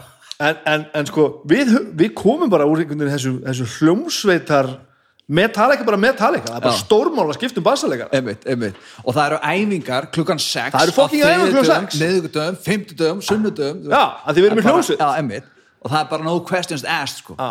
Þetta var í partíni, þetta var æfingu. Já, en þetta er bara fólk sem bara svo við erum að tala um þetta królaðan daginn, hann var að fara á túr sko, Jói P. og Króli var að túra. Já, hefur aldrei túra með band. Einmitt. Já, ég kannski að ljúga þessu. En þeir hefðu aldrei túra eins og þau voru að fara að gera núna. Já, og þá bara týndu þess að titt pródusent þegar kom með bara að spila gítar og Já. þessi spila trommur og þetta og bara hvernig að gera þetta, þá var það bara eftir einhvern veginn upp sko. Og svo faraði bara túra í túra í Ísland spiluðu bara 10-20 gig með hvað maður að segja, nýja útgáfu lögunum sinum ég veit það ekki, Já, já, einhvern veginn nýja. En geðveikt stöf sko. það er alveg skeggjuð forréttindi sko. Og bara öruglega ekkert rángar leið að þessu en, en við vorum að hjakkast í sko. Nei, en ég held að þú missir þetta sem að við erum að svitna yfir hérna núna. Já. í modlunni hérna í eldstúdíu þetta er heitt hérna maður. Það er heitt úti. Að, þú veist það, þessi tilfinning sem þú ert að lýsa bæði á fyrstu æfingunni, þú bara tekur upp bara, þú með einhverja vinni inn og félagi kring og bara, herru, þetta geði, þetta virkar maður. og svo bara hálfóra setna þú er búin að æfa fucking 50 sinnum. Og, bara, og svo mætur bara eins og þetta fara í stríð á tónleika og þetta vera fucking bestur. Já, það var einmitt alltaf hugsunin alltaf vorum á tónleika sko, við ætluðum að rústa hennum sko. við ætluðum bara sko, eiginlega áhörðahópin sko, áður en að hinir mætt á svið sko. og það gekk alveg aðeins svo langt sko, að því að bróðum minn sko, hann leið mér svo fast á trommuna sko. hann var alltaf í því sko. sturlaður trómari sko. Já, og alltaf, þú veist, það, við veit ekki hvað fórum margir kjöðar og skinn og svona, bara þú veist, á æfingum. Og hann var alltaf alveg, vinni þið, þú veist, þið verður að taka þátt í svona kostnaði, hérna." bara ekki séns. Ég, ég er bara gítarleikari, sko, ég köp bara strengi, sko. Og hann var alltaf að reyna að fá okkur til að vera með, sko. Og svo alltaf mesta vesinni fyrir þess að veselingstrómmara, sko, þetta er ömulega hlutskipti að veða, sko. Halda út ludraslinu og þetta kostar svo mikið. Þá er maður bara komin að hvað er margir bjórmiður á mann? Þú veist eitthvað svona býðið til því sko en hérna, já þá vorum við kom sko, það sem okkur fannst sko okkar mesta breyk eða sko. Það, við hituðum upp fyrir sjallag á gögnum sko. Og það var Já, ég vissi að þið séu ykkur spila, ég sá ykkur þar. Já, já, Ég var bara að hugsa þetta í gær þegar við vissum við öllum að tala saman. Bara, ég sá byssut, ég bara, ég kemði ekki fyrir mig hvað það geta verið og það, það var, það var Það var legendary dót Já, það var svona ein, ein af svona hljómsveitum sem hafði gríðarlega áhrif á hvernig við hljómuðum sko. Já. Elskuðum sko at Action Park og bara elskuðum þetta stöf, elskuðum þetta sound og bara allt það. Og svo komið sjallag og við vorum valdið til að hitu fyrir sjallag og það var bara the big break sko. en það var alveg sama hugsunir, við ætlum að blow him off the stage sko. við ætlum að rústa þeim sko. fólk sko, átt að muni eftir okkur ekki þeim sko. Sem greinlega mistust það því ég man eftir sérleg sko. Já, einmitt, og það mist það svo herfilega eins, og ég er að koma að hérna sko, að við vildum alltaf gera þetta svo vel og bróðum við bara svo fast á trómunar og svo erum við komin hérna og bara settið hans Todd Trainer sko, sem að Birki var að spila á sko, trómusetti hans sko. og svo byrjuðum við að spila og, og hérna, fórum ekki um fyrsta leið og bara, ok, þetta hljóma vel og við, erum, við erum on it sko, og nú kemur bara næsta, let's go og bara beint í næsta lag. Og þá er Birki að tróma svo að hann brýtur hérna trómukekkurinn sem þess að bassatrómukekkin Kikkarinn hann- var með sín eigin eða? Nei, hann var ekkert með já, eigin. Og hann brýtur hann og það var bara over. hrundi allt og þá hófst eitthvað svona er ykkur hérna með æfingúsnaði nálægt hérna? Álalala?" og þá kom bara eitthvað svona kortir 20 minnan pása sko, sem að þetta fara að redda nýjum kikkar. Ég man ekki alveg hver gerði það það var einhver það var einhver indislegu maður sem að rauk á staði í bílinn sinn og kom með kikkar svo við getum klárað restin af tíman okkur En þið kláraði að spila samt? Já, já. en það var, já, það var svolítið skellur sko. Það var það. Hvað var þetta langlýtt band? Þetta við tókum loka tónleikan okkar árið 2000 held ég. Þá var eitthvað svona eitthvað tónleikar sem heitir Glundróði upp í Grafóvogi í eitthvað svona gamall hlöðu og það var eitthvað hljómsett að koma að spila sem að ég man aldrei hvað hétt eitthvað svona hardcore band. það var rosa mikið Það hardcore band rosa mörg svona börn já, komu, og ég mér fannst það aldrei skemmtilegt sko. Uh, Hardcoreið, já, wow ég fannst það Rósalega hafið þið bræðutinn að vera ósamála með það? Já, við vorum mjög ósamlega með það. Og honum fannst það mjög skemmtilegt og mér fannst það ekki sko.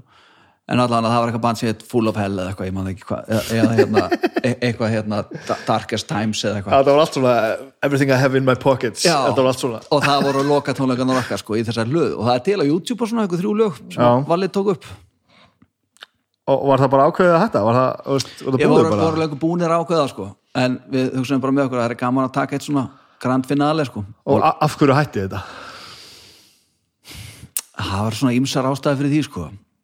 Svona kannski einhverju svona samstagsörleikar eða eitthvað, ég veit það ekki. Það, það var Sem að auglýslega veist ekki, ég sé það á þér og veist það ekki. Ég veit það, ég veit það mjög vel sko, hvað var en það var, já, það var bara fílingur var bara ekki Nei, nei, nei. eins og það var fyrst sko. Og hérna, og vorum ekki alveg að græði að rústa öllum, alltaf. Nei, og þá var svona tilgangurinn eða farin sko.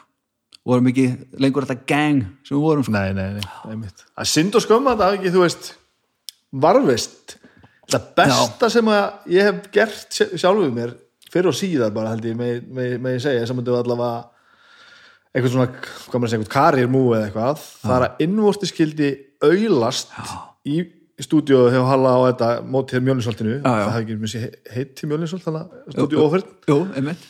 Og tekið upp innvortis plötuna, sko, fyrstu Já, plötuna 98 eða 78 eða eitthvað. Einmitt, að því að þú veist, þá festi maður eitthvað á form já. Og svo fjaraði eitthvað svona undan þessu og við hættum einhvern veginn eitthvað. Já, já.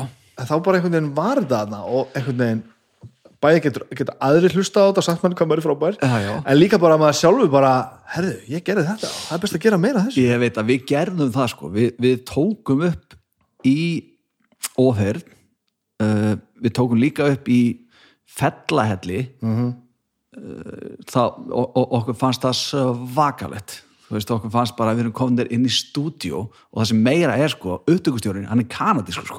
Veist, þetta er bara geggjað. Þetta er international Já, en, en það var bara einhver auðlið sem var að vinna í félagsmyndinni og var með líkil sko. Og hérna, já, við sittum hérna og hækki hérna og svo upptöka hérna og bara einhver algjör vilsingur Producent. Já, já, og við bara, hann er frá, hann er, þú veist, við erum að tala ennsku þannig að, come on, þetta getur verið betra sko. En við tókum upp einmitt þarna í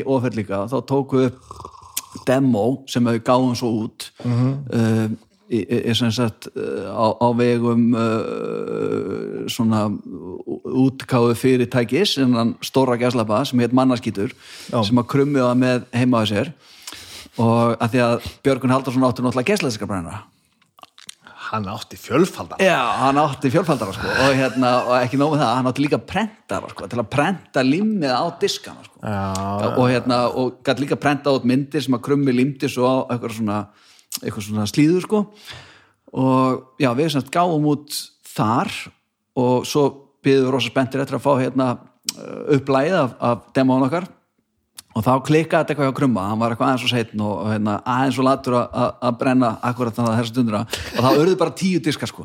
Og svona að við vorum að spila á okkur tónleikum á, á kakabotnum eða eitthvað og, og það rauk allt út sko. Og það var ekkert prenta aftur sko. Þannig að það er rarity það er limited edition. Já, tíu diska, já, tíu diska upplæði af bysundademónu þetta hef ég samt heyrt sko, þetta demo. Já, og er ekki, þetta er ykkur þrjú eða fimm lög eða eitthvað svoleiðis ég man ekki alveg hvað þetta var en þetta er eitthvað staðar á, á bandkamp eða eitthvað, Já, ég man ekki- sko. eitthvað já. já þetta er eitthvað staðar og það er svona maður er svona líður eins og hefði þurft að gera þetta aðeins betur eða þú veist, þetta sándar ekki beint Nei, ég mitt, þetta sándar einhver, eins og einhver maðurfakkur, sko. Nei, veist, það heyrist alveg Já, já.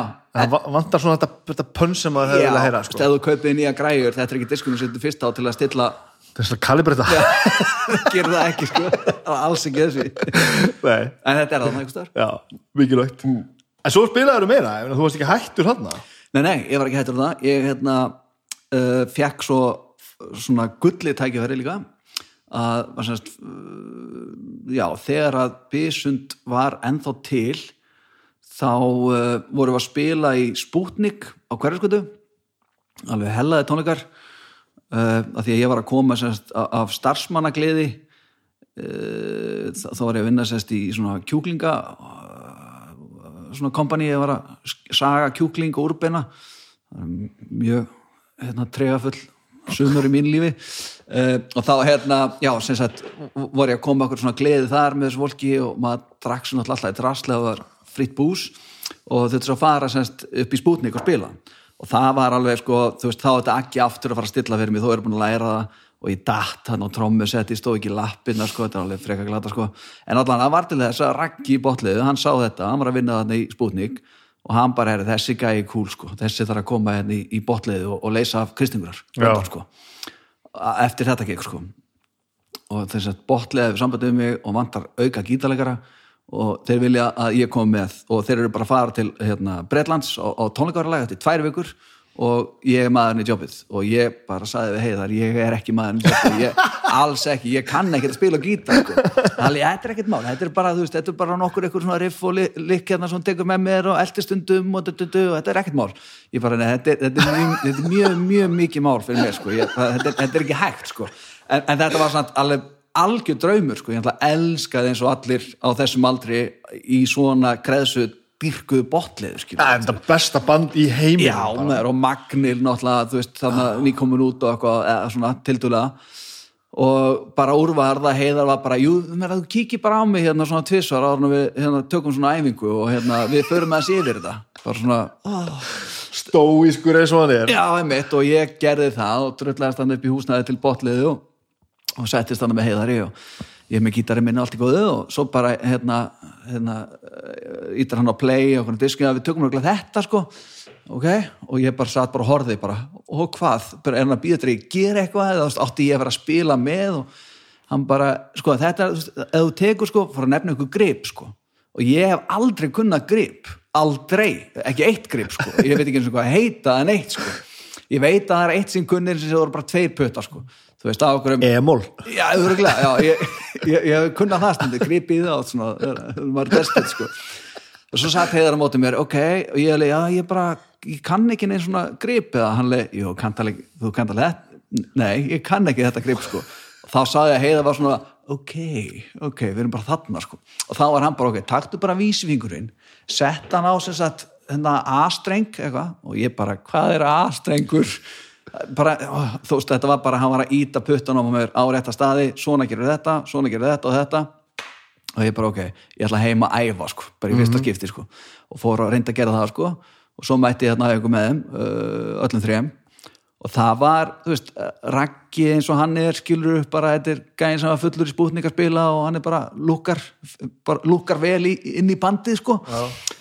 Og heiðar bara eins, eins og hann er sko, hefilega kærlaus og nokkuð jákvæðar át allt saman. Til að gefa sér sess. Já, en ég maður samt sko að það var mjög óþægilegt allt því ég leita á Halla. Þegar við vorum að við vorum að reyna að æfa sko. Maður var eitthvað, ah, nei, ah, nei, ah, ah og heiðar svona blikkandi bara eitthvað og raggi bara eitthvað með réttun og góður aður sko.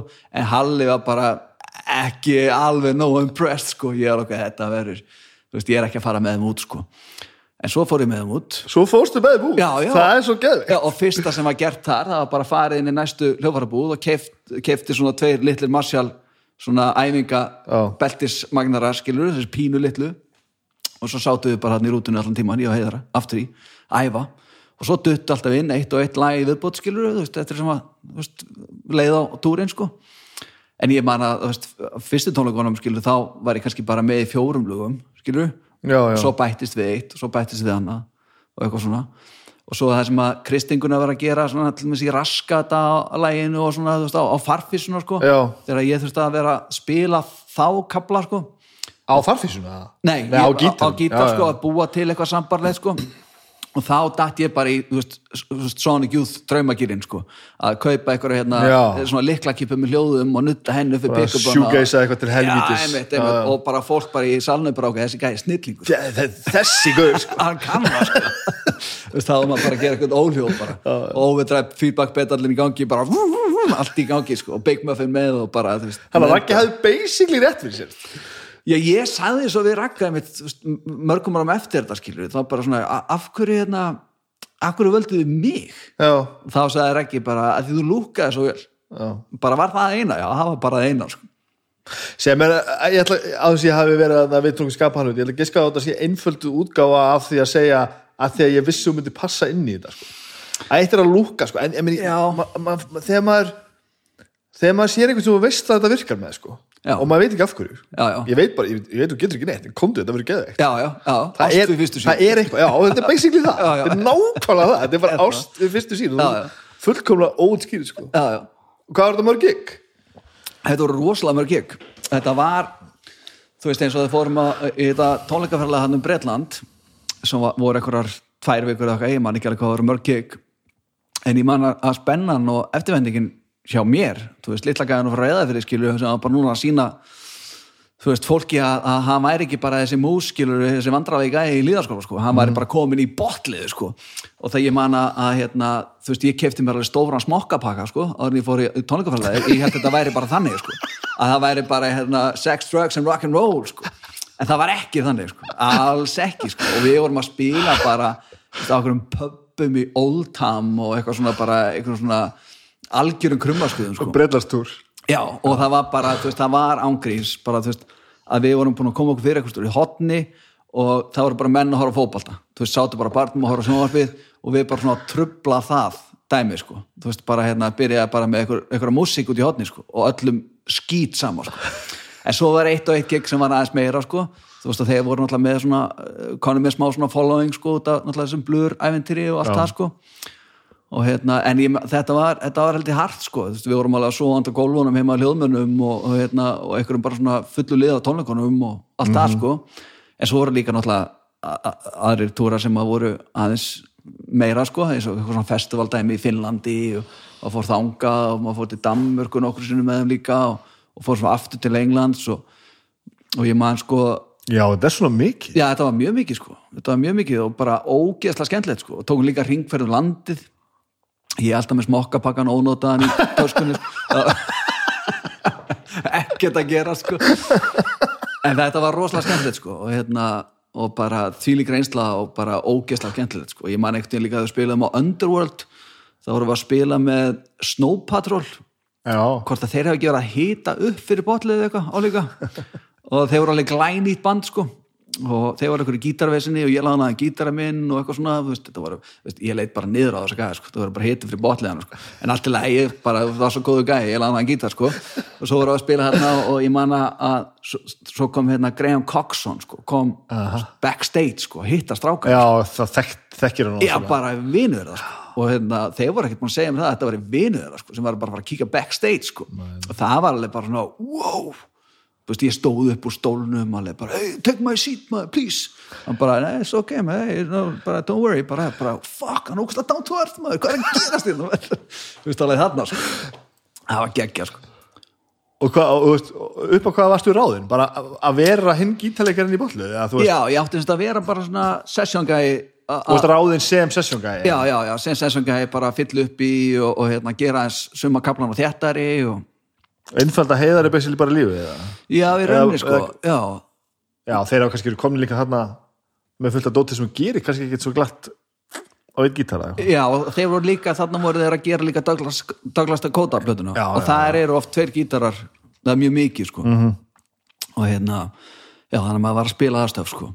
En ég var ekkert að einfalda heiðar lífið sko. Ég held ég verið bara þvert á móta að gera það tölvöld erfiðara sko, þú veist, það, hann fekk engan frítíma hann í fyrsta tónum sko, hann bara að kenna mér lög Bara svoleiðis.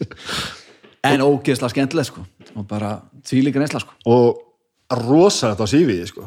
ég geggja það sko. Og svo var ég sko að því að mér fannst svo skrítið að ég mátti stundum vera með á myndum stundum ekki sko. Og það fannst andra fyrir við það sem litla frá reyða fyrir ekki alveg nóg sangjant sko og ég hugsaði með mér, "Bíddu, af hverju má ég ekki að því að ég sá okkur mynd í fókus eða eitthvað skilur, af hverju er ég ekki með það? Þá bara Halli bara flera át bara, þú ert ekki í bandinu. Já en ég er ég ekki í bandinu? Og þá var ekki eitthvað, ég myndi alveg vilja að var í bandinu eitthvað, bara, hann er bara ekki með það, við erum bara þrýr já en það, já. Og það er það svona hætti ég sko, að ég var svo sár. Já, já, út af nákvæmlega svona ego Vá. já, þetta maður, fárlegt sko. Og hvernig afgreifdur það? ég í rauninni var beðin um að vera gestaspilari hjá annari hljómsveit þegar ég var leiðinni.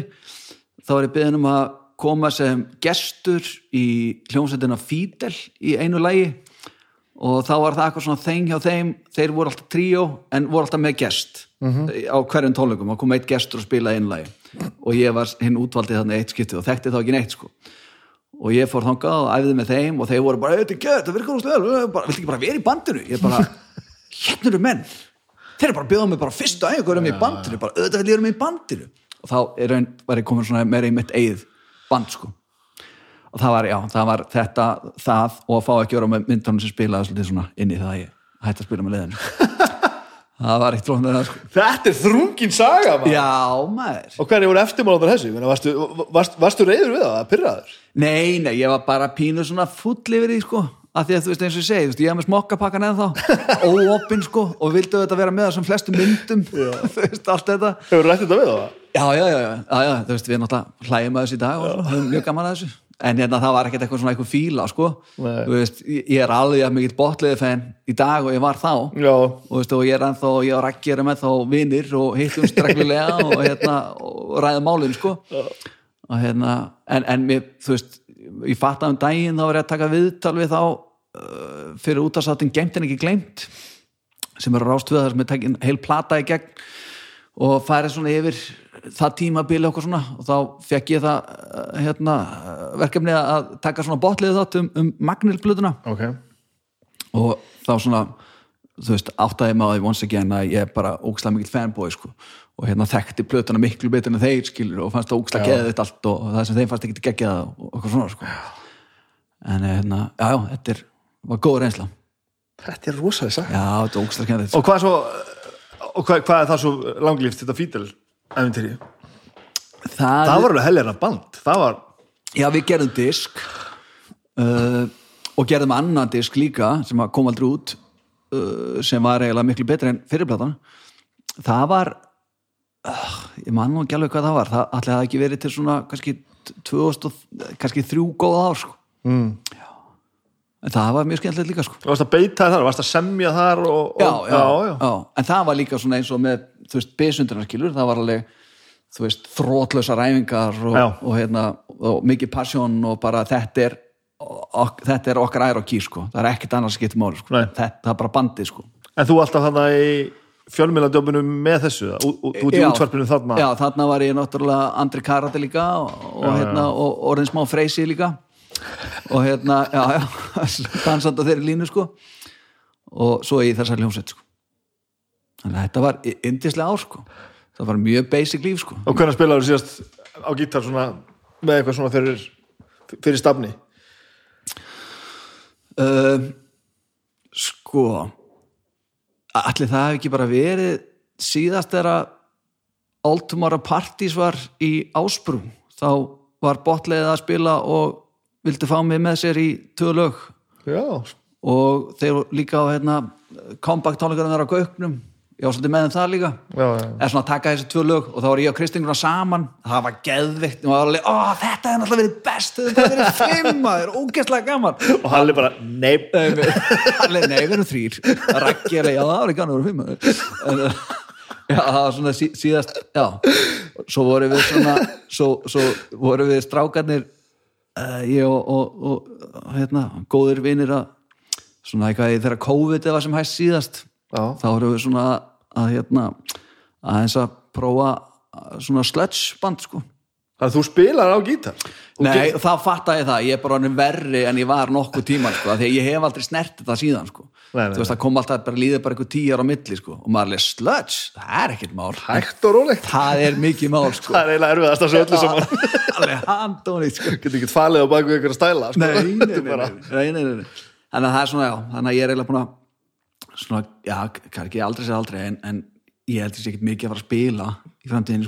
já, en, ég ég áalegi gítarinn, sko, já. og allt það. En, þú veist, ekki, varst ekki spilað ekki alltaf á Já, Mustang Jaguar Ég var með Fender Mustang Já. uh, 72 módel sem ég spilaði mikið á. Og svo, Orginal 72 já, Ok.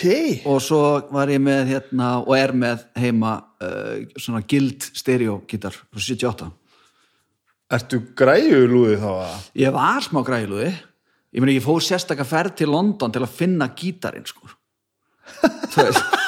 Þetta er dásanlega því ljósið þess hvernig þú lýsir þessum hljóðfæraleikara tónlistamanni bara "Ah, að vera að vinna gítarinn maður." Já. en það var bara því að veist eins og ég segi þú veist, once again Sonic Youth og svona veist, maður er alveg slefaði hljófarum sem þið voru með og svona. Og fór þannig í Tottenham Street og, og hérna, þú veist, með eitthvað hundarárkalli var svona bara, það er ekki nóg. Nei, það er ekki nóg. Ekki eins og þá. Og fann, nei, og í dag var þetta bara klík bara hleyja þessu. Og ég fann hennan Fendi Mustang að að það var eitthvað að honum. Mhm. þú veist, það var brotin plata og eitthvað svona, og vantaði takka. Og ég sagði bara, ég Kelly getur þetta þessu maður, mm. gítasmiður hérna. Og hann gerði það sko, þannig ég kefti hann og kom með hann heim. Og fór líka frábæra tónleika fór á Jesus Lizard tónleika á Garage og fór á Cable og, og Anthrax. Já, bara geggjuferð sko. Eða all sko, kom heim með gítar. Heldur gott sko. Hvað, þú veist, þegar þú ert að einhvern veginn að keira í gegnum þetta alls saman þú, þú ert þú ert að vera þetta eitthvað 25 ára eitthvað Já, ég er svona 23 fjara þegar ég hætti í delanum sko, eða það, það Já. vant hætti sko. Og þú veist, ég er 19 ára þegar ég byrjaði að spila með leðinni já, 19 ára? Einmitt, það var bara geðveikt sko, og mér fannst þeir svo gamlir. Já, sem við vorum já, samt cool, en ógeðslega gamlir sko, þú veist, þeir, þeir voru ekki 30 sko, þú veist, þeir bara Nei, langt því frá já, langt í frá sko. Geðvikt. já, En þú veist, varst aldrei með einhverja svona stefna á að verða eitthvað? Af því að þú, þú veist þú er ekkert breytt, þú er ekkert þú er ekki tekið neina beigju síðan basically. Nei, ég bara ætlaður ekkert að gera eitthvað almennlegt Nei, ég, ég, í rauninni ekki sko. Ég er bara alltaf verið rosalega gladur með það að ég fljóti bara skilur, og ég á þak yfir höfuðið Já. eða þú veist, ég er með þak yfir höfuðið skulum við segja frekar. Og hérna, og ég er með bíl sem ég finnst nýr sko, þó hann sé 2006 model, þetta er nýjasta bíl sem ég átt sko og mér finnst hann alveg geggjaðslega nýr sko. Og ég, jú, ég svona ég fór í hérna uh, nám fyrir ekki löngu síðan. Þá ákveði að skrá mig í bifröst -hmm. og fór í svona almanatengla vissin eitthvað og ætlaði að hugsaði með mér ok, þarna eru peningar sko, ég get alveg verið þú veist, gæðin sem er alltaf að beðast afsökunar og, hérna, og breytum skoðun og svona, ég er bara góður í þessu sko, það er fínt, fínt fyrir, fyrir eitthvað stórfyrirtæki sem drullar á þess að senda mig bara fyrir kamerulega, þetta var nú ekki að við löpum aðeins á okkur, en við erum að reyna að gera okkur besta en núna, þannig að hafa engar á ekki því ég haldi bara um að kaupa pilsur og eitthvað, og eitthvað svona en hérna já, fór á, á og hugsaði mér, þetta er ekkert mál, eitthvað fjarnám skilur, veist, ég kann þetta allt sko. Þú veist, ég er búin að vera veist, 20 og eitthvað ári í fjölmjölum skilur, það, það er ekki að kenna mér neitt hérna sko, og svo fór hann í skóla og þá ætti ég að fara að lesa svo mikið um pólitík og, og hérna, hvernig ríki var byggðu upp og, og hérna, eitthvað svona bla bla bla. Og það fannst mér bara ógeðslega erfitt sko. En eisaði alveg allt skilur eitthvað svona framkoma og tala og allt það skilur, það var ekkert mál sko. Já, en þá fór ég líka bara að hugsa sko, veist, af hverju er ég að þessu finnst mér leiðilegt það sem ég er að gera nei, mér finnst það mjög skemmtilegt sko. Veist, vill ég vera í annari vinnu skilur þar sem ég er eitthvað skrifstofu að fá hérna, þú veist, eitthvað punta um að ég var að svara fyrir eitthvað í fjölumölum skilur vill ég það? Nei, vill það bara ekki neitt sko. -hmm. þú veist og hérna, þú veist, líður mér eitthvað illa á rúf nei, mér líður bara dásanlega sko. Það mjög skemmtilegt sko þannig er bara svona, ok, og er ég ekki bara þokkalur í því sem ég geri, jú, veist ég bara þokkalur í því sem ég geri og bara hugsaði með mér, veist, akkur að breyta því -hmm. og ákvað bara að, að já, að hérna leggja það náma á hillun eftir einu önn og veist, ég, Já, já. ég hef aldrei farið lengra en eina önnin í öll svona nám sem ég reynda að læ- læra sko þannig að ég ákvað bara að halda mig við það sko bara að prófa sko er vissum þetta sé ekki fyrir þig. Já, þetta er eins og ég fór í hérna eitthvað svona fjölmiðlafræði í, í yðskólanum á sín tíma. Já. og ég bara, ok, þetta er geð maður. Nú er ég bara hérna, að læra að skrifa greinar og taka viðtölu hvað eini, þá er ég bara komin í efnafræði bara að læra hvernig pappir var til, sko. Bara hvaða kjaftaði er þetta, sko? Já, það er ekki alltaf að vera einfald að manni lífið sko. Nei, þannig að ég hérna, hætti því líka fljótt. Þannig að hann hefur þetta verið, sko. Ég er bara svona floater, sko. En þú veist, já, ok þú ert samt ekki meiri flótur en svo að þú ert, þú ert ekki þú ert ekki, ekki alltaf bara að kynna næsta lag og vera hressigurinn í útvarpi þú ert alltaf einu farin að vera með eigin þetta í sjónvarpinu og alltaf einu bara farin að gera heimildamindir og þú Já, veist já. þannig að þú þá allavega helviti aktífur flótur eða þú ert flótur sko Já, já, ég, ég, ég meina ég, ég legg mikið metna í allt sem ég gerir sko. Mhm. þú veist, ég vil gera allt sem ég gerir rosalega vel þú veist, hvort sem að sé að vera í útarpinu og segja ykkur vitlega eitthvað, ég, veist, ég vil gera það vel skilur já, ég skil ekki þú veist, ég vill að sé skemmtilegt sko. ég vill að fólk geti tengt við það og þú veist, og ef ég geri hérna, heimildamindir eða sjómasætti eða eitthvað, veist, þá ligg ég alveg yfir öllu ferlinu og er alveg pínu óþólandi sko. þú veist, ég stend ekki bara ok. fyrir fram að kamerun og, og hérna og bladra þar og, og gera það sem er sætt að gera þú veist,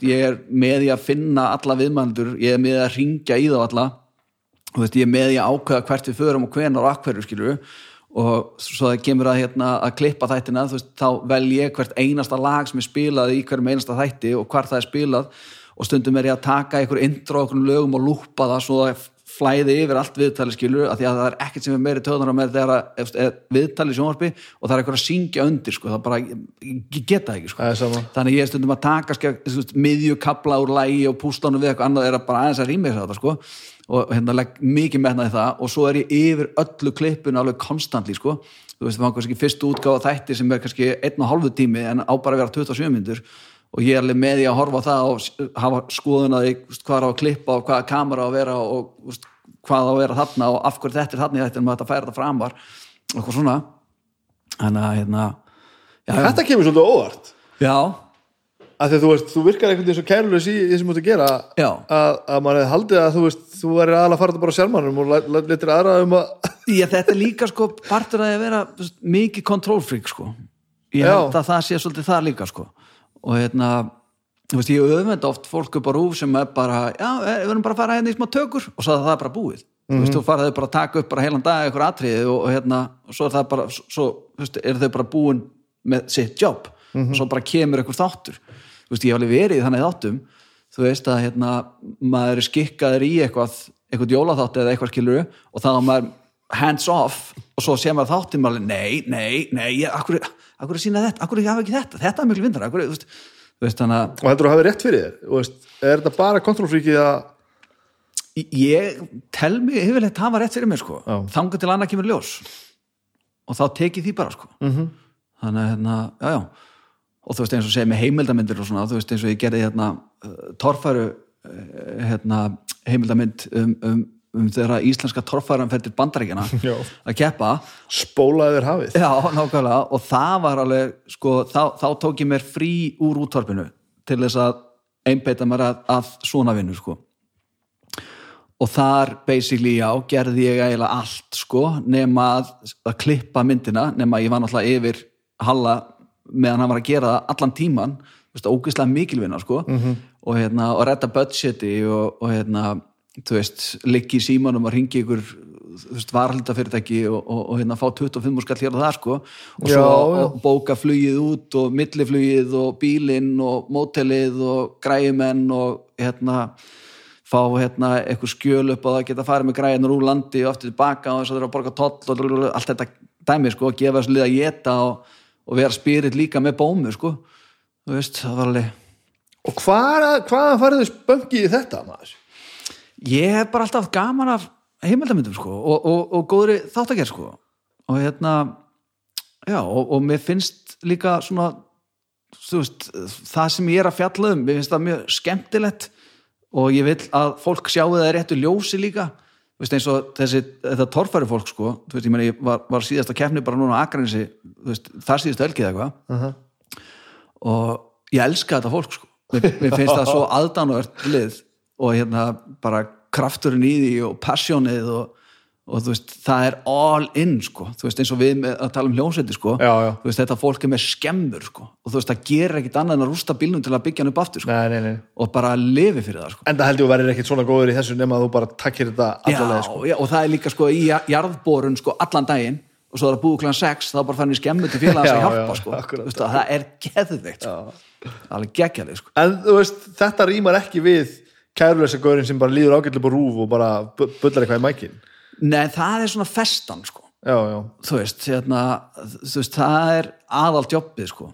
Og það er svona hérna, e, þú veist, eitthvað til að svona þú veist, hvað segja svona fall back on sko. Þú veist, ég get gert það sko alltaf, og svo kom eitthvað svona áhættu verkefni inn á milli sko sem að þú veist, fer það bara á yfirsnúning sko. Sem þetta eru- þetta eru svona risk, risk job. Já, já, sérstaklega þú gerir eitthvað svona mynd sjálfur og ég meina þess að núna er ég ég Átni Sveins með eina mynd í gangi sem við erum búin að vera með í gangi frá 2016 og, hérna, og ekkert lítið búin að taka upp sko. Og nú erum við því ferðlega að fá styrk úr, úr sjóðunum, kjöpmyndasjóðunum og það er, þú veist, það er hellingsaukafina sko. Þannig að þú veist, þegar ég er búin í síðdeisútarpinu og komin heim, þú veist, þá er ég ofta að horfa okkur á tökur og veist, endurskrifa einhver handrit eða aðstóða við það eða eitthvað skilur veist, þannig að maður er alltaf að hafa skoðun og með puttan ykkur. Hvað eru þið að gera? Eh, eh, má kannski segja frá því? Jú, jú, það má alveg segja frá því. Við hérna, erum að gera uh, heimildamönd um uh, sem sagt uh, country eh, mann íslenskan sem heitir Johnny King. Já, húsing Já, húsvíkingurinn, já, Vingingursson, og hérna, og við erum alltaf bestu vinnir ég og Johnny og búin að vera í miklu sambandi og hann er búin að vera pínu off- off-radar. Hann er búin að, já, hann, hann hefur alltaf verið á jærinum hann hefur alltaf verið svona, fólk svona byrju, hvað er hann, veist, akkur er hann með byssubelti upp á sviðið, skilur, þú veist, spila verið fram á grænsá, sko, og það er svo aðdánavert en hann hefur aldrei hægt, sko, og, veist, og hann er alltaf með stúdíu að setja í gangi, hann er alltaf að búið til músík, Já, já. hann er að gera alla tegundir á tónlist, en það sem maður kallar alltaf á hann er kúrikagalinn, sko. Og hérna já, og semst Maggi Texas borgari heitin hann hafði samband eitthvað tíðan og, og hérna var að fara að halda uh, svona country hátið á og það, það er svo frábært. Það er geðveitt sko. Og hann rýndi í mig og spurði hvort hann mætti ekki koma með tónlistamann með sér og, og hérna plugga hans hátíðina og, og ég var svona Í já, já, Já, í síðu þessu nei, ég virka mótna sem var þá. Og ég hérna spurði hann út í það hvað hérna, hvaða tónlistum að það væri og þá bara, Johnny King. Ég bara, country rockarinn maður. Ertu ekki að grínast? Er hann ennþá að og sagði Maggi sko að þetta væri neða, hann var ekki búin að vera að lengi sko, þetta væri svona kompakt tónleikar á Johnny King. Og ég bara, hvenar eru tónleikarnir? Á sunnudaginn klukkan 2 er það kompakt ekki að Johnny King á Texalborgum á sunnudaginn klukkan 2 bara, já, já, ég heit fá hann maður, kemur Johnny. Og Johnny hefur alltaf verið að berja svolítið við sko þunglindi og mikinn kvíða. -hmm. og hérna lendi í ymsu sem að verði búið að granda flestum okkar sko. Og hann kemur hann í, í viðtalið og hann er bara mjög tvístingandi hvort hann er að gera þetta yfir höfuð, bara hann er komin upp á rúf og er bara að segja þeim já, ég er nú ekki alveg viss hvort að ég ætla að spila á þessum tónleikum en, bara, en, en, þú, en þú ert komin, skilur þú veist, um hvað er að fara að tala þá? Bara já, ég, er ég bara Johnny, veist, já, plötuna þeina við veist, þú geðveikur, þú veist, ég er búin að veist, vera aðdáðandinn bara síðan ég var krakki skilur, pappa átti þessa bötum Já, við hlustum á þetta alveg, alveg, alveg baka fyrir sko. Alltaf lægi á húsavík skilur þannig að það alveg trakk sko. Og hann svona, ok hann sá þarna að það var allan einn maður í heiminum sem að væri ekki sama skilur, og hann bara ok ó, ó, ó, og ákveða að dæta í viðtal og bara eftir þetta viðtal og ringi ég bara átt og segist bara, veistu hvað Johnny King er? hann veit, nei. Ok, Og svarið nei. Já, það skiptir ekki máli. Vá, já. Við erum að fara að gera heimildamind um Johnny King og hann er að að spila kompaktóningum á Texasborgum klukkan 2 á sundaginn og þú ert að fara að mæta með kamerum og taka upp. Hann bara, alright Ok. It's on. Og svo fór hann alltaf tímarið og fann eitthvað klippur og sendur hann okkar fréttir og svona og sáum bara hvað, hversu töff Johnny var sko. Og síðan eru fimm ár uh, Já, síðan eru fimm ár. Og Johnny hefur lent í já, ég held að hann sé búin að taka út fimm hjartafull síðan að við byrjuðum. Og lent í ansi skröðlegum hlutum og við höfum farið með honum ansi víða. Við höfum farið með honum fúst, á flúðir á Húsavík, mikið heima honum og ekki heima á honum því að tíðanblið að bjóða hann hverginum í húsbílunum sinum í mesta óveðri Íslandsöguna bara, þá var henni litlum húsbíl og bara að bakka og, og hérna fórum við hann til Noregs líka. Og þannig að já, það er vona á góðu sko. Og hvað ertu með í höfðinu þegar þú leggur á stað í svona? Basically að sko þarna var ég eina sem ég hafði með höfðunum var það að Johnny King var ennþá að Aha. hann er algjör rebel, hann er alltaf í erðinum og hann er að fara að spila á kompaktónleikum á Texasborgurum klukkan 2 og sunnudegi og ég vil að við eigum það sko. Og svo basically fórum við bara út í það þarna að f- fara sérst í pröfutökur á Texasborgurum og átnið var bara að filma hann spila tónleikarna sína sem hefði geta verið betri og hann, Johnny er alveg sammála því hann var svolítið viðgáður og svona en þá spyrjum við hann hvort við meðum ekki koma svo heim til hans og ræða aðeins betur þú veist, spjalla við hann bara kynnaðast aðeins og við förum þangað og með kameruna með okkur og það opnaðist bara eitthvað flóðgátt skilur að, að hérna, hann bara tók hjarta sitt og setti bara á borðið og bara svona er ég, or leave it sko. og hérna, það var mjög hörð heimsótt sko. Já. og söguna sem við fengum frá hann þar við byggumst ekki alveg við því sko. og voru bara pínu slegnir sko. það er svona ímislegt mjög dark stuff sem að Johnny King hefur lent í sko. Já Og, og þú veist Og hvaða ferill er þetta svo? Haldið þið svo bara áfram þangað til hvað?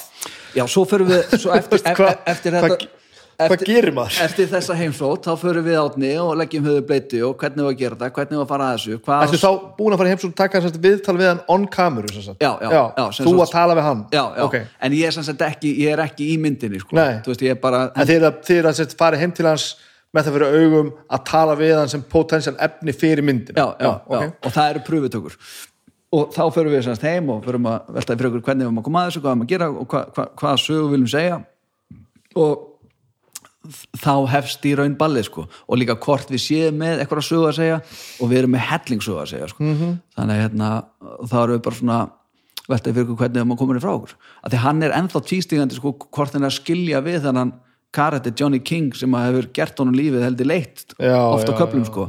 En hann getur ekki sagt skilið við hann sko. Og þú veist, hann stekkur alltaf á hvert tækifæri til að sitja aftur á þessu kúrikahattin og, og búið til nýtt lag og, og koma fram einhverstaðar og, og hérna, hann er bara eiginlega óstöðandi í því sem hann gerir sko. Og hann er sko óætt að segja nisti kúrik í heimi sko. Það má ekki glemma því sko. Veist, og hann er bara og hann er líka að þú veist, hans tilgangur með þessu er að hann vill hjálpa öðrum sem að hafa ekkert sem verið í hans spórum sko.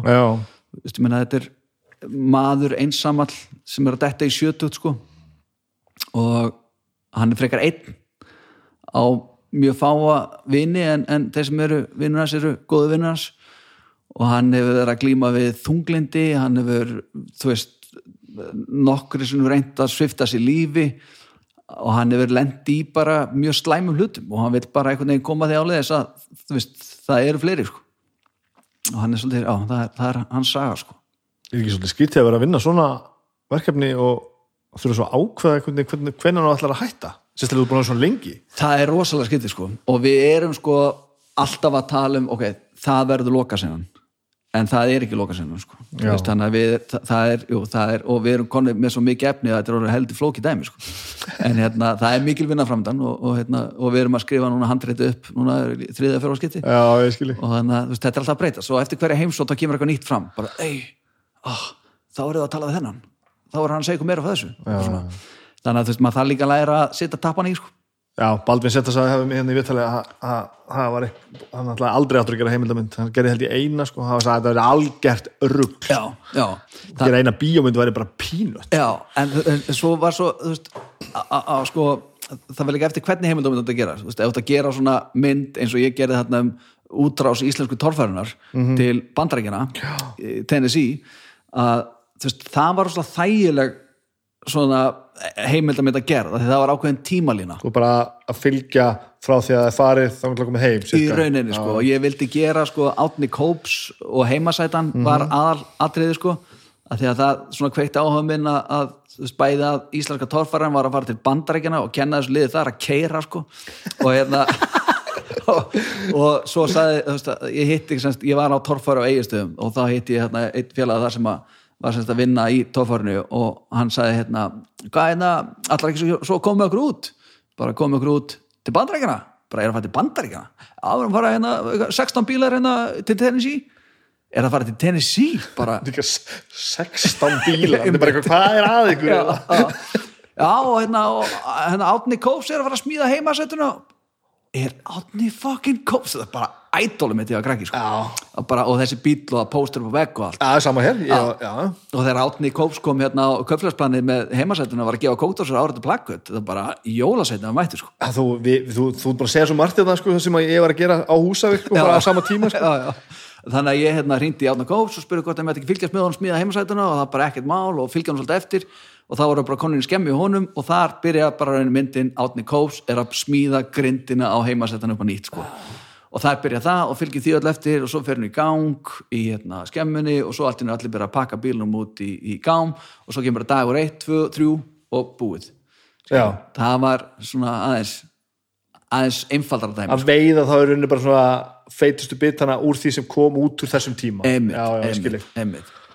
Og svo er náttúrulega það maður líka hugsa um veist, þessi beauty skot og allt þetta dótskilur og þú vildum náttúrulega þú veist við mættum viku áður en að keppni byrjaði þá vorum við mættir til Dyersburg í Tennessee sem er þetta grummaskuð sem að keppni var haldin á. Aha.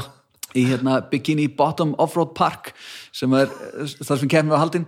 Og það var að hugsa kominir út til það bæði að kynnast fólki í bænum uh, komast að því hérna, hvort að fólk vissi raun hvað var að fara að gerast og sjá líka þegar það var að vera að rífa niður trén og svona dót og að vera að fara að byggja braut hvað svæðið það var, sjá það tómt og svona. Og svo líka eins sem var mikið atrið sem við vildum alls ekki missa var að sjá sem sagt uh, nokkra reisastóra amerska trukka fulla af sem sagt íslenskum torfærubílum keira á amerískum þjóðvegi sko. Þannig að við kerðum alveg lengst á móti þeim og vorum með hérna, þú veist, einhverja dróna upp í loftinu og, og festandi GoPro og dekkin á trukkunum og, veist, og fram í bílana þar sem að bílstjónum var að keira og veist, vorum óþólandi sko, bara að þeirri leið þá strax byrjar að vera fyrir sko, að stoppa á öllum hérna, stoppa í öllum shoppum. Ok, megum núna skipta hérna, is it okay we put the camera here on, on, on, the, on the wheel? Eitthvað, bara svona en hérna, já, það, það er, og það voru góði bitar líka í myndinu sko. Ert þú alltaf þessi gauður sem getur alltaf vaðið inn og bara e- e- hérna, ertu til að hjálpa mér að sögða? Já, ég eh, tel mig vera þann, þann gaur Já, það, það er við þessi, þetta sem ég er að segja við sko, þegar, ég, þegar ég er svona fyrir að krullast hans upp bara, hvernig, hvernig meikar það þessar aðstæð sko? þetta er, Já, það er bara að, að sko vaða inn í það sko og versta sem getur gæst er maður að fara nei Já það er ekki flóknar sko Ég hef alltaf um að skýta mig með þetta viðtal sko af því að ég er í sumafrí og nefndi ekki að gera neitt og tók viðtal við kóluna mín í síðustu ykkur til þess að, að ég netti ekki að gera neitt.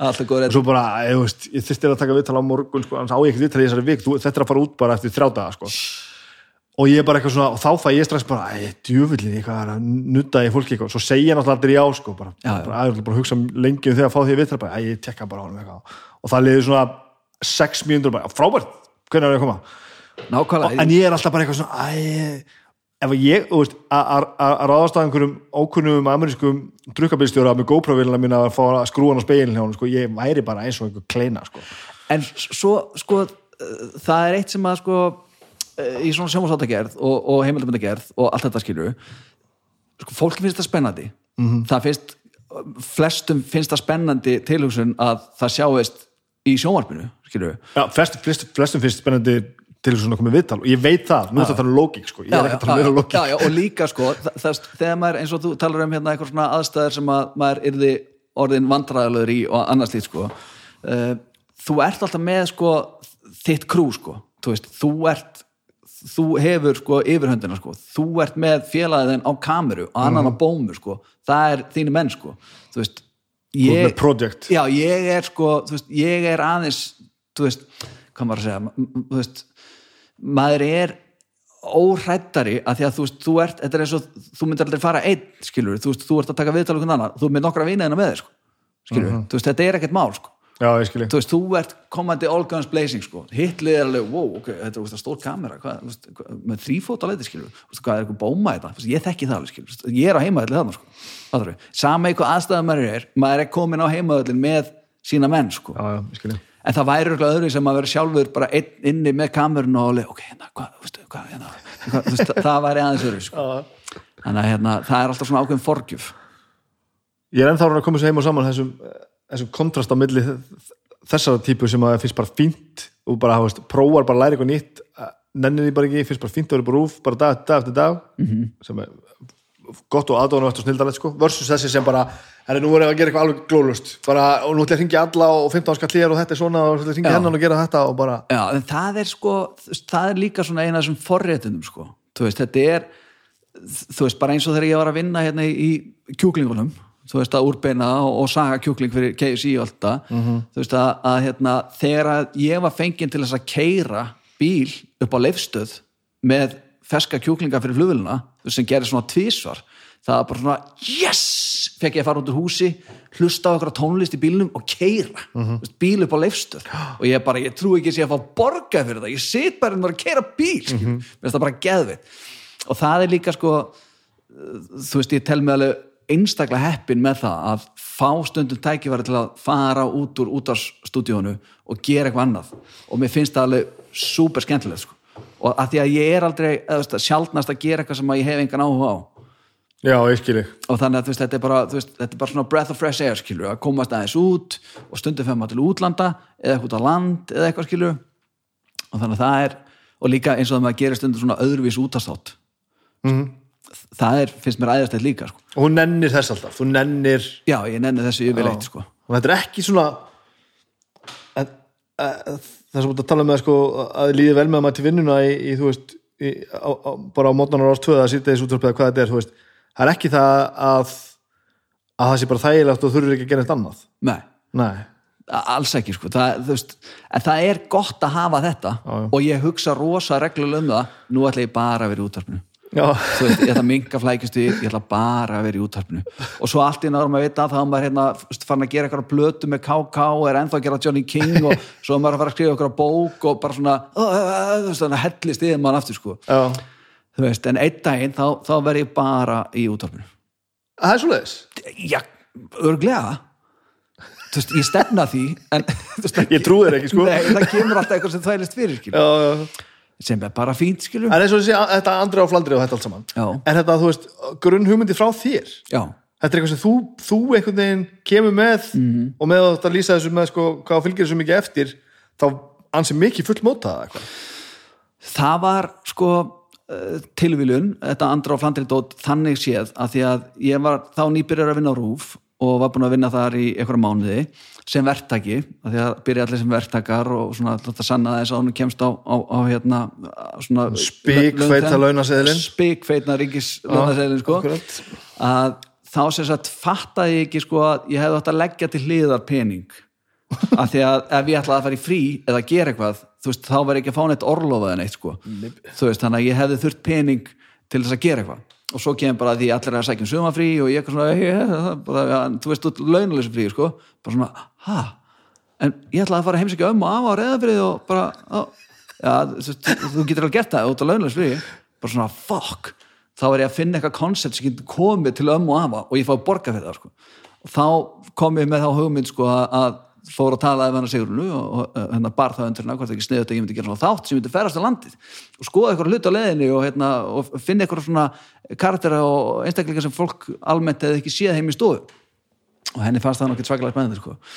og, og þá, þá, ringir hérna Kristófur Dignus í mig bara stutt eftir þetta og hann segir hei, ég er með hugmyndina þáttum að þú ferðist um landið og hérna takið viðtöl við svona eins og þú svona, stundur svolítið góður í að tala við svona hann var, þá var hann að hlusta á mig þegar ég var í, í hérna, shoppinu Dreganum og var að gera svona einslag, útafseinslag að þeir eru mesta úrval á góstósum á Íslandi og við erum alls konar framandi góstóllur og ég var að tala við gæðin sem er ekudregan og hann var að fara yfir það bara, ég var að lýsa dósunum og, og þá var Dignu sko í bílinu og hlusta, bara, bara, þetta á að vera sjónvarp þetta, þú veist þetta á heima það sko. Og það er engin degnu svo með nána sömu hugmynd. Og ég bara er ekki alveg minn, ég, hérna, ég var að tala þannig að Sigrun bara í, í fyrra þetta sko, nákvæmlega sömu hugmynd. Og hún sagði bara nei sko. Þannig, en þú veist, ef við gerum það aðeins öðruvísi sko, þú veist, hann alltaf sjóaður í því já, að tala við dagskastjóra en ég sko, og þá býr hann alltaf til eitthvað blað skilur við með eitthvað myndum og eitthvað svona dót og eitthvað svona hugsanlegi viðmælendur og bara svona ok, svona á að gera það og þá fórum við til Sigurnar og hún bara er þetta er frábær hugmynd, hvernig getur við byrjað? ég er, what? þetta er bara sama hugmynd, ég með í gær já, já. og hérna, já, þá sérst gæti ég tekið ringina það á húsbíl með hund með mér og heimsóta um og afa og allt það sem ég ætlaði að gera hérna í, í fríinu mínu og fekk líka borga fyrir það sko. þannig að það var bara, já það var svona ákveðin redding sko. En, en ósmeikur þú þetta allt saman? Já, í rauninni sko þú veist Hvernig, hvernig gekkar að koma þér út úr þessari femni og þessum kvíða og öllu þessi sem það varst búin að díla við að koma að hinga eiginlega, og, og að fullordnast allt í þetta allt saman? Það var eiginlega útastmaðurinn Freysi sem að sem tæklaði það bara? Já, sem tæklaði það því að þarna varði ég að vera helviti brattur sko. Ég varði að vera með flugveldarsynningar í hverjum einasta þætti og þetta voru þættir sem voru fjóri tímar hverjum einasta virkundegi og það var ekki bara að vera að kynna lög. Þannig að ég var bara að gera það þokkalega. En þú veist það var ekkert grín fyrir mig að fara þú veist, í fyrstu þættina sem já, með hérna, þessa kartið þætti sko, þú veist, það var ógeðslega erfitt og já. bara svepplausar nætur og bara þú veist, blóðsvit og tár bara fyrir fram á mækin, bara þú veist horfand á sekundurna að teljast niður, bara það lægi var að vera að búa og þetta segja hvað ég heti, sko, það var ógeðslega erfitt, sko en svo bara, þú veist, eins og með margt annað, bara ef maður bara hit the ground running, sko, þá, þá hérna, einhvern veginn kemur það, sko og ég held að þetta hefur komið bara nokkuð ljót sko. bara, já og hvernig ekki svo að fullunast, þú veist nú áttu fjölskyldu og alls konar já. þú veist hvernig gerist það? það bara ég, að því mér líður stundum eins og ég sé ekki að tala um fullunum mann sko. nei, það er mjög gott ég hérna, kann að meta það ég, ég er, sko, ég er kannski ekki fullunast mm -hmm. ég er bara kannski aðeins varkari og hugsa líka um þú veist ég get aldrei verið með eitthvað svona freysa þátt í dag þú veist, það mæti bara bitna á fjölskyldur minni skilju, það, það Ég held að maður eigi heldur ekki að gera þetta þegar maður er færtu sko. Nei, það er bara kjánulegt sko Já. en þú veist, það er líka, ég held að það sé munur að vera sko að fullandast og vera leiðilegur mm -hmm. og að fullandast og vera bara ennþá svona sami gæi sko og, og bara, þú veist, almennt nokkuð nettur sko, þú veist, ég, það, það er það sko, ég, ég hitt átt fólk sko sem að er á mínum aldrei og maður bara fokk hann er gaman og leðileg sko. ógeðst að boring gæð hvað er hann svona veist, er Já, ég veldi líka svo oft fyrir mig sko viltu vera svona? Já. Eða þú veist, heldur þetta þurfa að vera svona? Einmitt, einmitt Akkur er þetta ekki bara í stöði, skilju Akkur, akkur ef ekki er hann að hafa gaman, skilju veist, og ég hitt átt fólk sem að þú veist, já, kannski jújú, jú, maður séð fólk sem var með mann í bekk og svona sem er alveg, ok, hann er alveg sko 20 ára meldri en ég sko, þú veist, mm -hmm. gott á hann sko þannig að svona, já, maður reynir að halda bara í veist, gleðina og, og hérna en líka á móti kemur, veist, ma maður er líka það heppin að maður er að gera hluti sem er skemmtilegir og þe- þetta lið sem við erum að tala um sem maður er bara jakkanlega ógstlega gamall og leiðilegu sko. mm veist, það er kannski ekki í jafn skemmtilegu vinnum og við sko. Veist, og, og, og fjölbreyttum sko. ég á erfiðast með fólki sem að þú veist er á mínum aldri og við erum bara í einhvern samræðum og ég segi bara, herru, ég var að spila hérna spætumannleikin, bara já. og fólk er bara alla helgina bara, er, er ekki allt í lagi með þig og bara hv- hvernig ert þú að leifa þær að finnast þetta að vera aðstæð, veistu hvað þetta er gaman Já. hvað gerir þú sem er gaman hvað er að þér? áttu allar þessar tinnabækur Já. bara, já, Já. er þetta ekki að grínast þetta er að skemmtilega sem ég veit Einmitt. þá bara eins og ég verði að hætta að gera þetta af því að þú veist, og þetta er ennþá sko. Ég, meina, ég er alltaf sko fyrstur til að koma með hugmyndina heima nú klárum við þetta tæknilega sko. Og klárum við þetta fokkin tæknið og, hérna, honum finnst það ekki það spennandi og ég sko. En mér finnst það geðveit sko. Veist, og mér finnst alveg gaman að vera rennibrautan í sundleginu akkurir sko, mér finnst alveg jafn gaman á honum sko. Veist, og allt þetta. Og þú veist, þegar maður hittir hérna, þú veist, þegar eitthvað vinum maður sér einn heima og maður fer í heimsótt og við grillum og fáum okkur bjór, þú veist, þá hlustum við á þungarokk og við erum alveg konum við luftgitarinn bara eftir korter sko. Já. og það er bara mjög eðlilegt sko. En það er ekkit eðlilegt í öllum sko. Veist, það, en en svo við komum þá aftur á þessu hvernig gekk- þá að þú veist saman að þetta versus það bara að verða allt í hennu bara fjölskyldufæðir og bara þurfa einhvern veginn að láta þetta fungera? Uh, fannst ekki fyrir því? Uh, Nei, ég meina, þú veist, maður vissi svo sem akkur um að gengi, sko, ég er svolítið svona ég er svolítið svona seitt ég er seitt nýjað að vera fjölskyldvæði, sko Já, ég, þú ert að- þú ert fljóttra en ég sko Já, en ég sko ég er alveg að spyrja það ástæðu sko ég, ég fekk sko, sko strákunum sem er að vera ætlaður að æma ha- ég fekk hann í kaupæti, sko, hann Mhm. Ok, ok. fylgdi konunni, sko Já, já.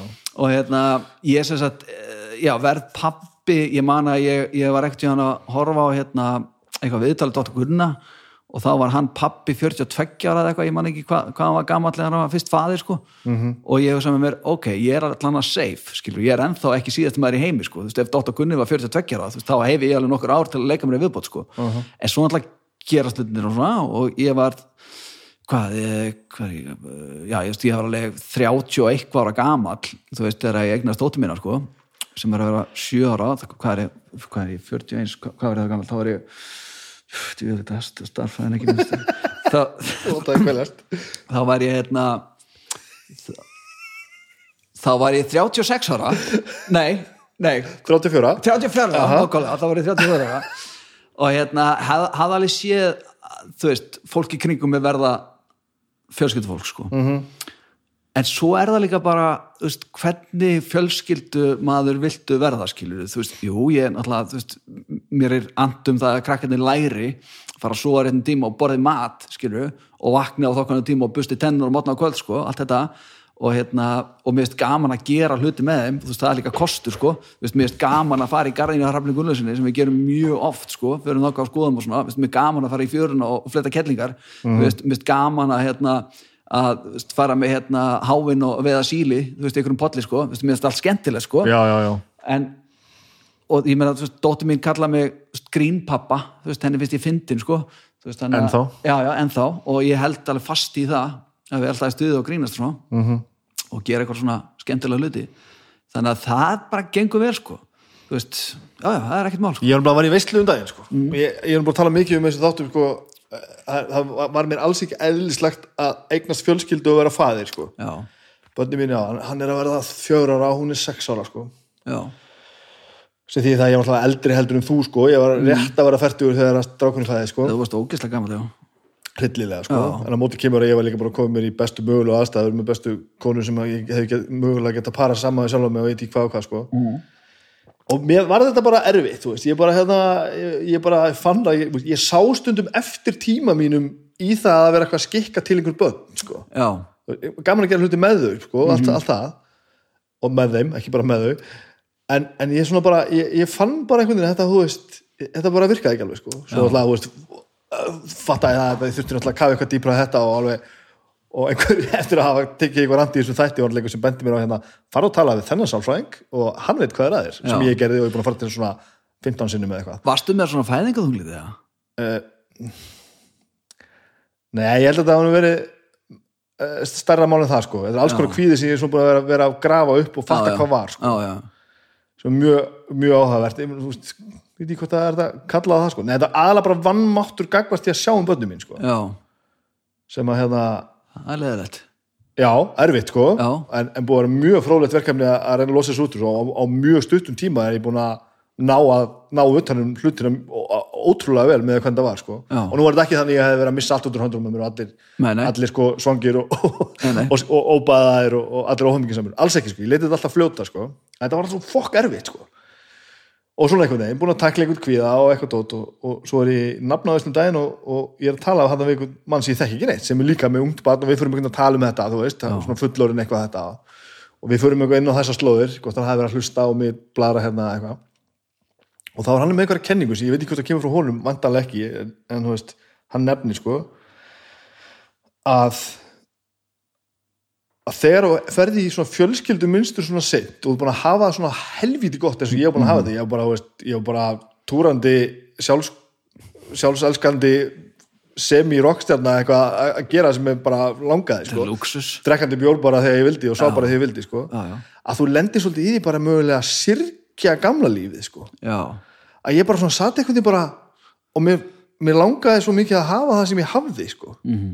Þó ég hef, mér þætti rosa gott það sem ég, það sem ég komin í núna sko. já, já. Þá bara allt í hennu fann ég bara ég hérna og, og, kannski ekki með þetta fyrir hann sagði þetta bara, djúvill er þetta rétt maður bara mitt líf áður en að börnin mín kom í heiminn það var geðveikt sko já.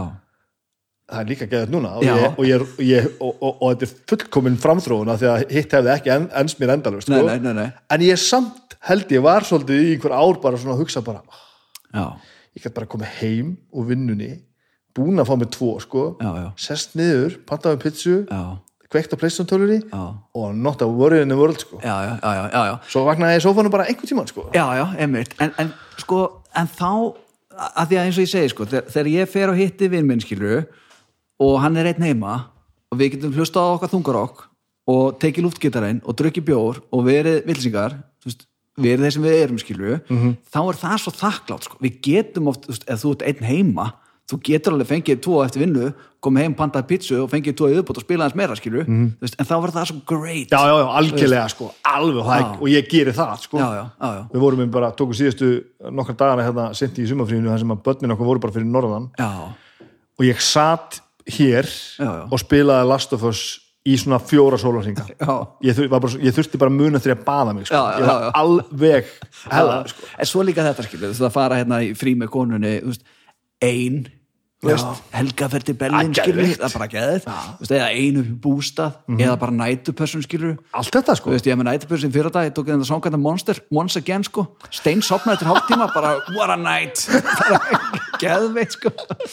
Og ég, og, veist, og ég er sannfærur fullkomlega sannfærur um að þetta er allt saman réttar ákvarðinni sko. Og, og fjölskylda mín er fallegust í heimi og allir helbiður og allt snildart og ég veit að það sem ég var að gera hefði ekki ennst mér endarust sko. Ég hefði þurft að fara að rembast sko. En en samt er þetta einhvern veginn svona, þetta bara, ég var einhvern veginn, ég, ég gati þetta ekki alveg sko. svo er líka sko þessi enn og aftur forréttindi að krakkarnir manns er ekki leiðileg skilju, þau er ekki óþólandi sko, allan að ég bý við það að þau eru bara nokkuð góð almennt sko og þau eru ekkert mikið að rífast og það er ekkert eitthvað mikið læti og þau geta bara verið að dunda sér eitthvað klukkutíman saman sko. Já, ég- þarf ekkert að bæla í þessu sko. Ekki alveg það reyndar. Nei, en ég er alltaf, ég, ég er með það sko. Og svo, svo oft sko sem maður eitthvað annað fólk sem er eitthvað að krakka og maður er alveg, ég trú ekki öðru en að pappunum finnist strákunum sinn illa leðilur, erfiður sko. Já, já, já, veist, það er, veist, það er það er örgulega svolítið stundum sko þannig að maður, hef, maður er allan ekki að glíma við það að finnast krakki sín leðilegur sko.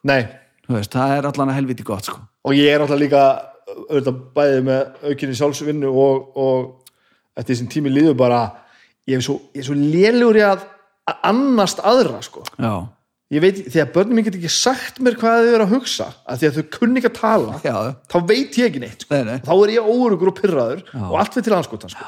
en núna er allir komin með mál og svona skoðanir og svona, ég get alveg tekið debatir í því maður, Já, já. þú fucking sex ára hlustaði bara á mig sko. en þá þú bara tveggja ára eitthvað bara, Já, já. bara þú ert ekki að hlusta á mig það er vonlust að rífast í þannig Já, það gengur ekki, sko. já, það er handóðandi að rífast í tveggjara krakka sko, ég hef alveg verið það sko það, og fara í fílu við hann það er svona, ok, nei, þú ert bara að gera þetta svona þú veist, hann veit ekki eins og hvað er að segja sko. hún er skýt sama Þú veist, maður er ennþá í fílu og bara krakkinu fara einhvern að leika sér bara eh, ekkert að pæla þessu maður, le- já, ertu búin að hugsa það í gang ha? um hvað, bara hvað er þetta að tala um maður, þú veist, er- þú veist, þetta er náttúrulega bara eins og kolpar sko. Já, Þú veist, algjörlega þú sko. verður sko að dýfa þeim í þvægið andliti beint í þvægið sko, með, meðan þeir eru að míga sko. þú veist það þýðir ekkert að vera eitthvað það sem þú gerðir mér í gær ég er ekki sáttur við það sem þú gerðir í gær veist, það gengur ekki um sko. veist, maður svona, þegar maður læri það þá sleppur þetta allt sko. Ertu sami svona veist, í engalífinu og vinniðin og svona sami hérna spontant hálfdrullusokkurinn og erstundum í, í já, já, alveg meira með vinum mínum sko. Já. þú veist uh, kona mín hefur ekkert svakalega mikið hún var fyrir því sko en, en hérna, hún lætur þetta alveg yfir sig ganga en en svona stundum.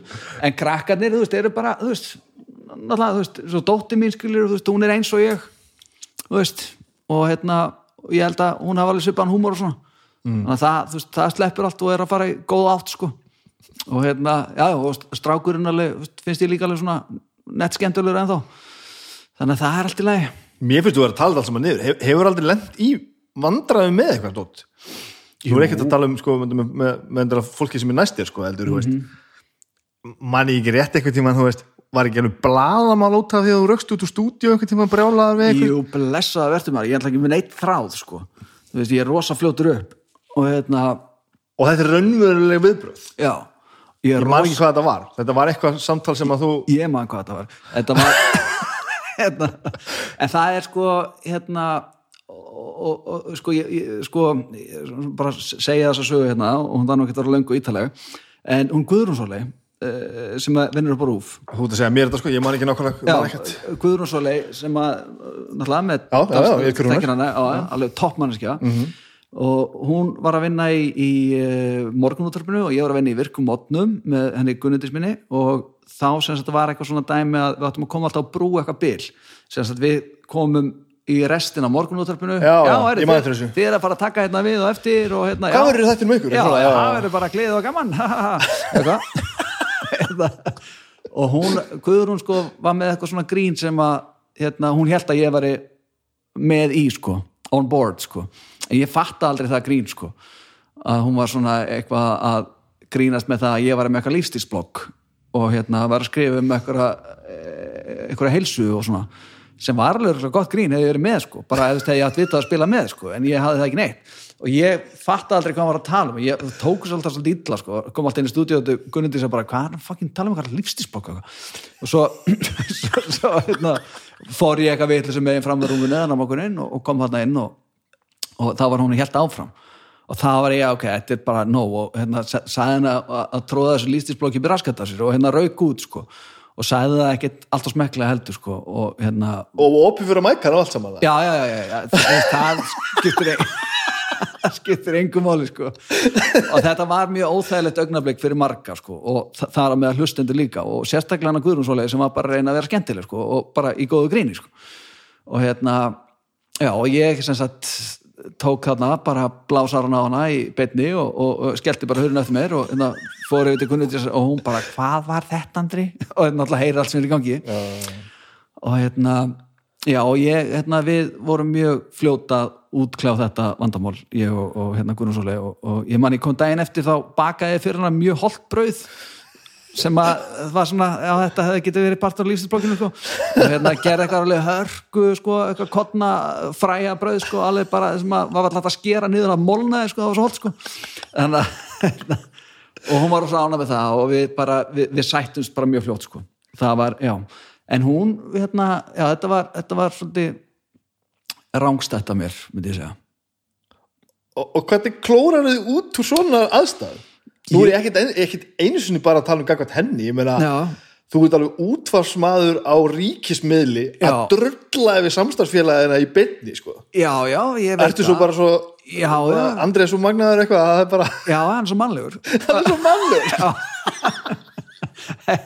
en, hérna, en, en eins og það maður skilur svo bara daginn eftir, þá voru við dreinin á hérna, skrifstofi og hérna, darskastjórnum okkar og hann svona fór aðeins yfir þetta mál og, og, og, Guðrún bara útskýrið sína lið og, og, hérna, og ég mína og bara, ég bara stafsökunar og hún líka og við bara uh, föðmuðust og ég gaf henni brauð sko og þá var það bara já, við höfum aldrei verið betri síðan sko. það þarf að kenna þetta í skólum sko. já, ég, þetta var magna sko.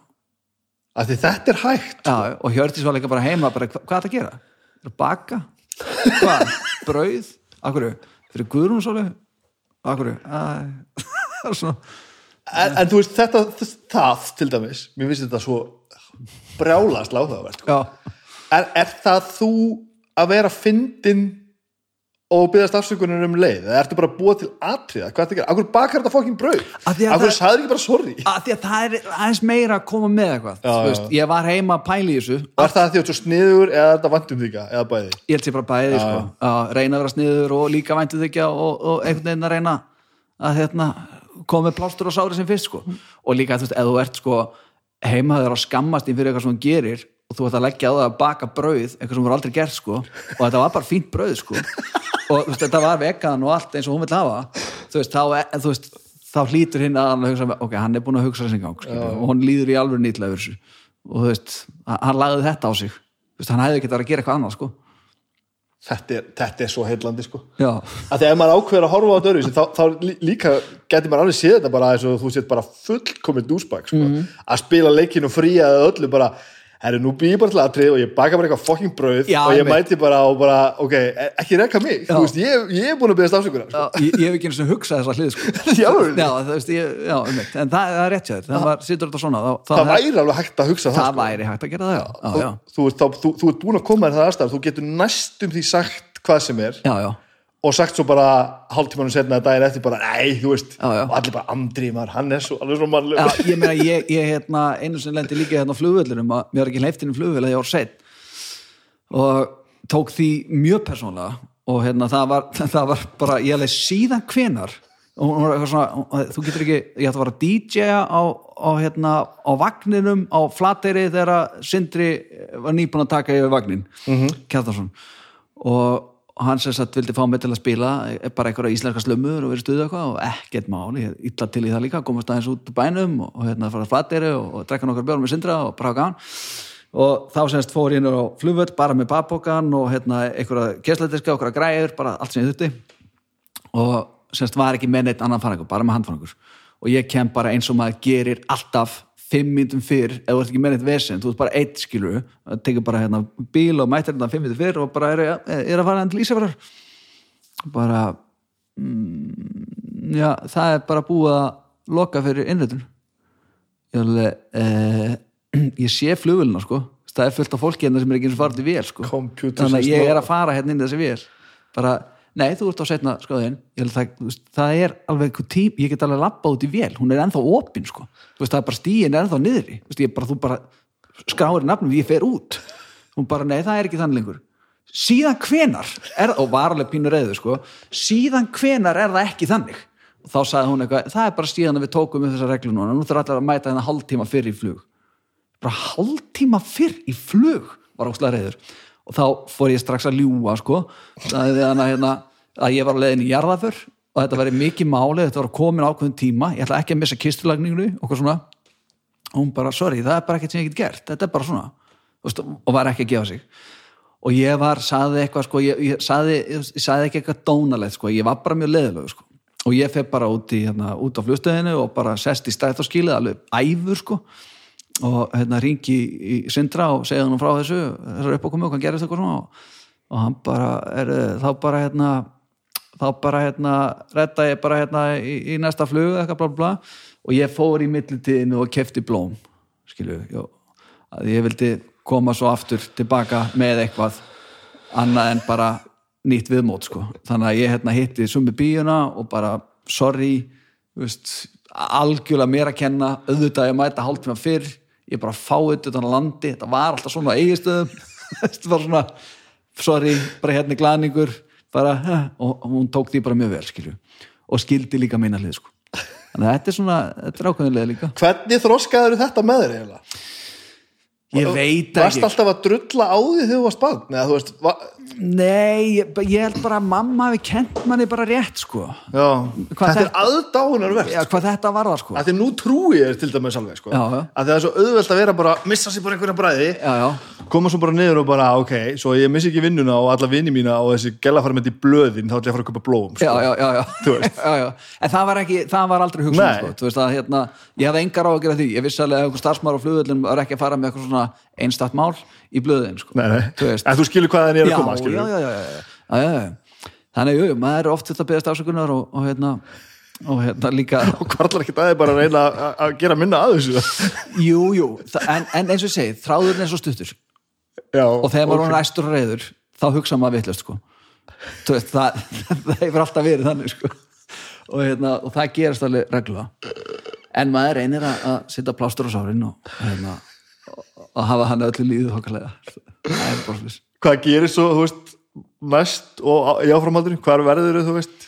Við erum 40 ára sko rúmlega. Já, hvað gerist svo þegar þetta heldur áfram?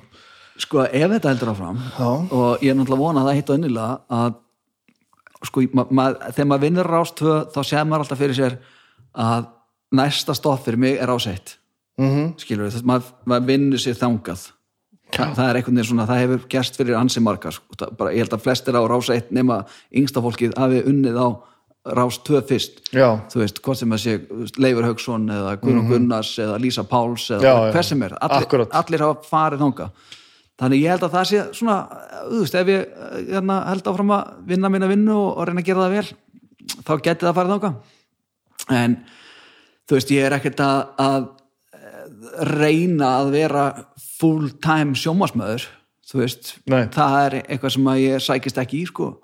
Og mér finnst rosa gott að geta gert annars lagið einu og eina serju eða eitthvað svona stakan þátt eða tvo eða eitthvað.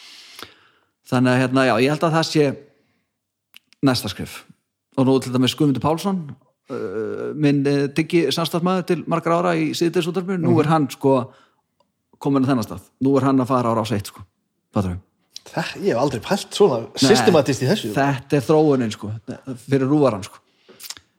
Fyrir svo utan að vantar auðvitað rás 3 já, það hefur nú verið talað um það í, þó nokkur ár. Af því það er mjög skyttið að rás 2 eða cover allt sem að rás 2 á cover það gengur ekki alveg upp. Nei, nei, það gengur ekki alveg upp. og svo er líka sko spurningum hvað á rástvö endilega að vera að kofvera hvað þetta varðar þegar að just, landslægið er orðið eins og það er sko fattar það með tónlist og annað slíkt Já, já. þú veist það er hérna þú veist það hafa verið gerðar svona tilraunir að gera til dæmis nullið það var Mhm. ákveðið svona koncept sem að var fyrir þetta fólk sem að hefði í raun verið markabunni Verið Rás þrjú. já, rás Já, þrjú já, sko, að gera svona þannig svona, svona edge þætti um svona viðhungsræfni sem að það tengir við og svona en ég held að veist, þessi krakkar fara ekkert allt í hennu, hei, það er eitthvað hérna á rúf nei, nei, þú veist, það er bara á YouTube skilur það er á sínum Já, já. miðlum og Það er á, bara. já, það er á samfélagsmiðlum og maður slíkt sko þannig að hérna, þú veist, það sem að rástuð er samt að gera í dag sem að, þú veist, er, er hlutverk rásar 2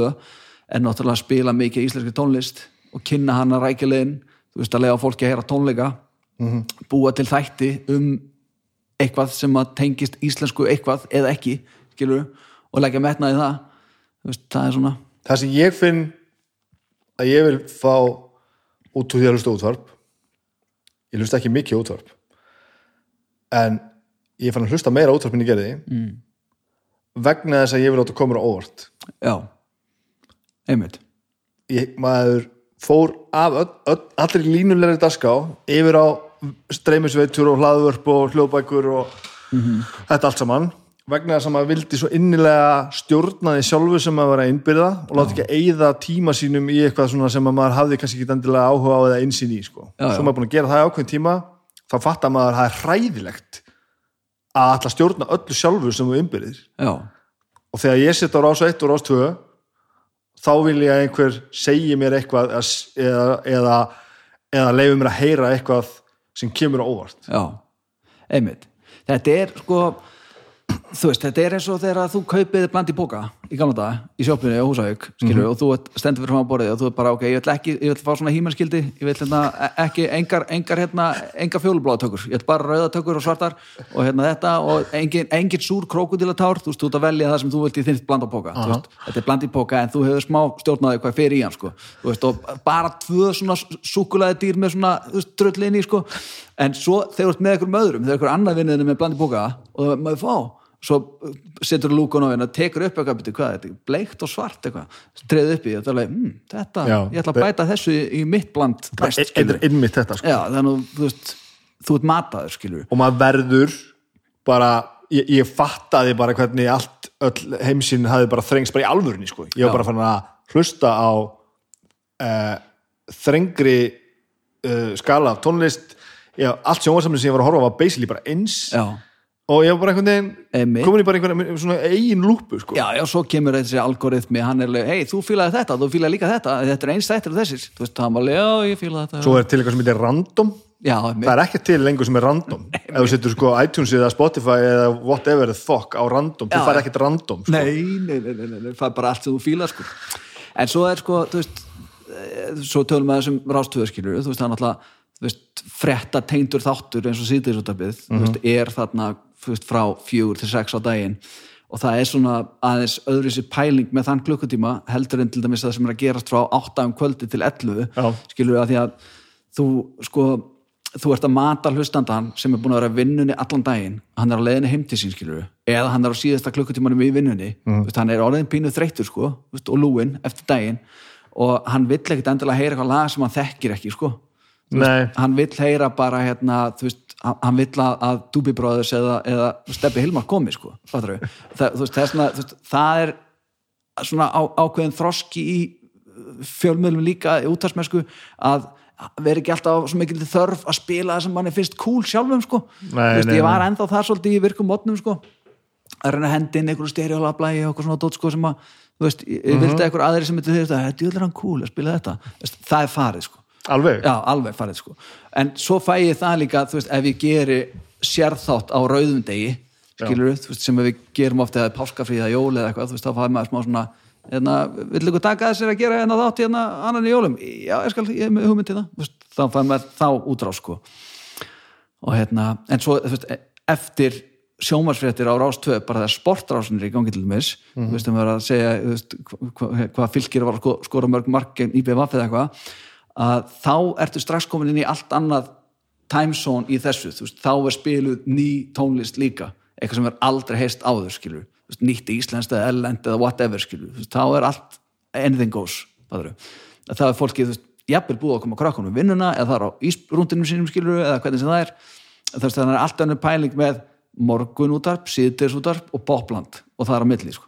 Já, þú veist, það er allt annað og svo hérna eftir klukkan tíu eða eitthvað þá er öðruvísi þættir. Ég meina, Krumm er líka með veist, country þátt á sunnudagsmátum skilu sem hann er að spila bara einhver svona rebel country gæða þú veist sem er löngu búin að óvita og þar skilu, þú veist, og veist, það fittar vel þar inn sko, já, já, veist þannig að það er svona, þetta er svo, bara ótrúlega pælingar sko. En, en uh, þessar pælingar samt sko þú ætti að segja þetta með stereolab sko. Að því ég myndi alltaf fagnaði því ég myndi heyra stereolab já, já, nú þekki ég ekki öll leið með stereolab en Nei, nei. Það, það, er, það eru mómentar sem ég er svona bara heyrðu, djúvill þetta magna sko. Mhm. uh, þú, ert að, þú ert að lýsa svona einhver veruleika sem er búið að búa til einhver svona þaul hugsu mótel sem að sjálfsögur virka. Og ég skil að við erum að þjóna þú veist fólki og Já, bara að reyna að fólk, láta fólki líða vel og þetta allt saman. En það er ekkert leiðilega heldur en svona persónulöst magasín sko. Útvarps kynnar, eða hvað kallar það, þáttastjórnendur hvernig sem þetta er, sem að reyna að láta eins lítið fyrir sér fara á hægt er. Ég skil það ekki alveg sko.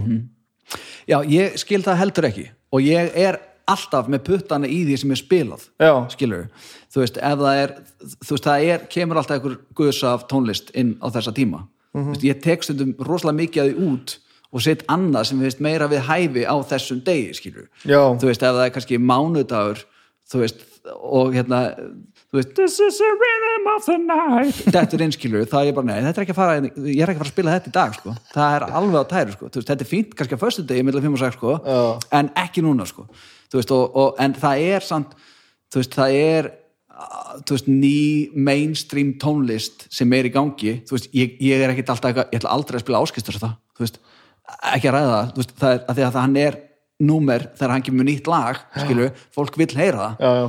skilu, og, og, og hérna, hvort sem þessi Helgi Björns eða Áskittrösti eða Vög eða whatever, veist, þá verður maður að fara eftir ákveðin reglum.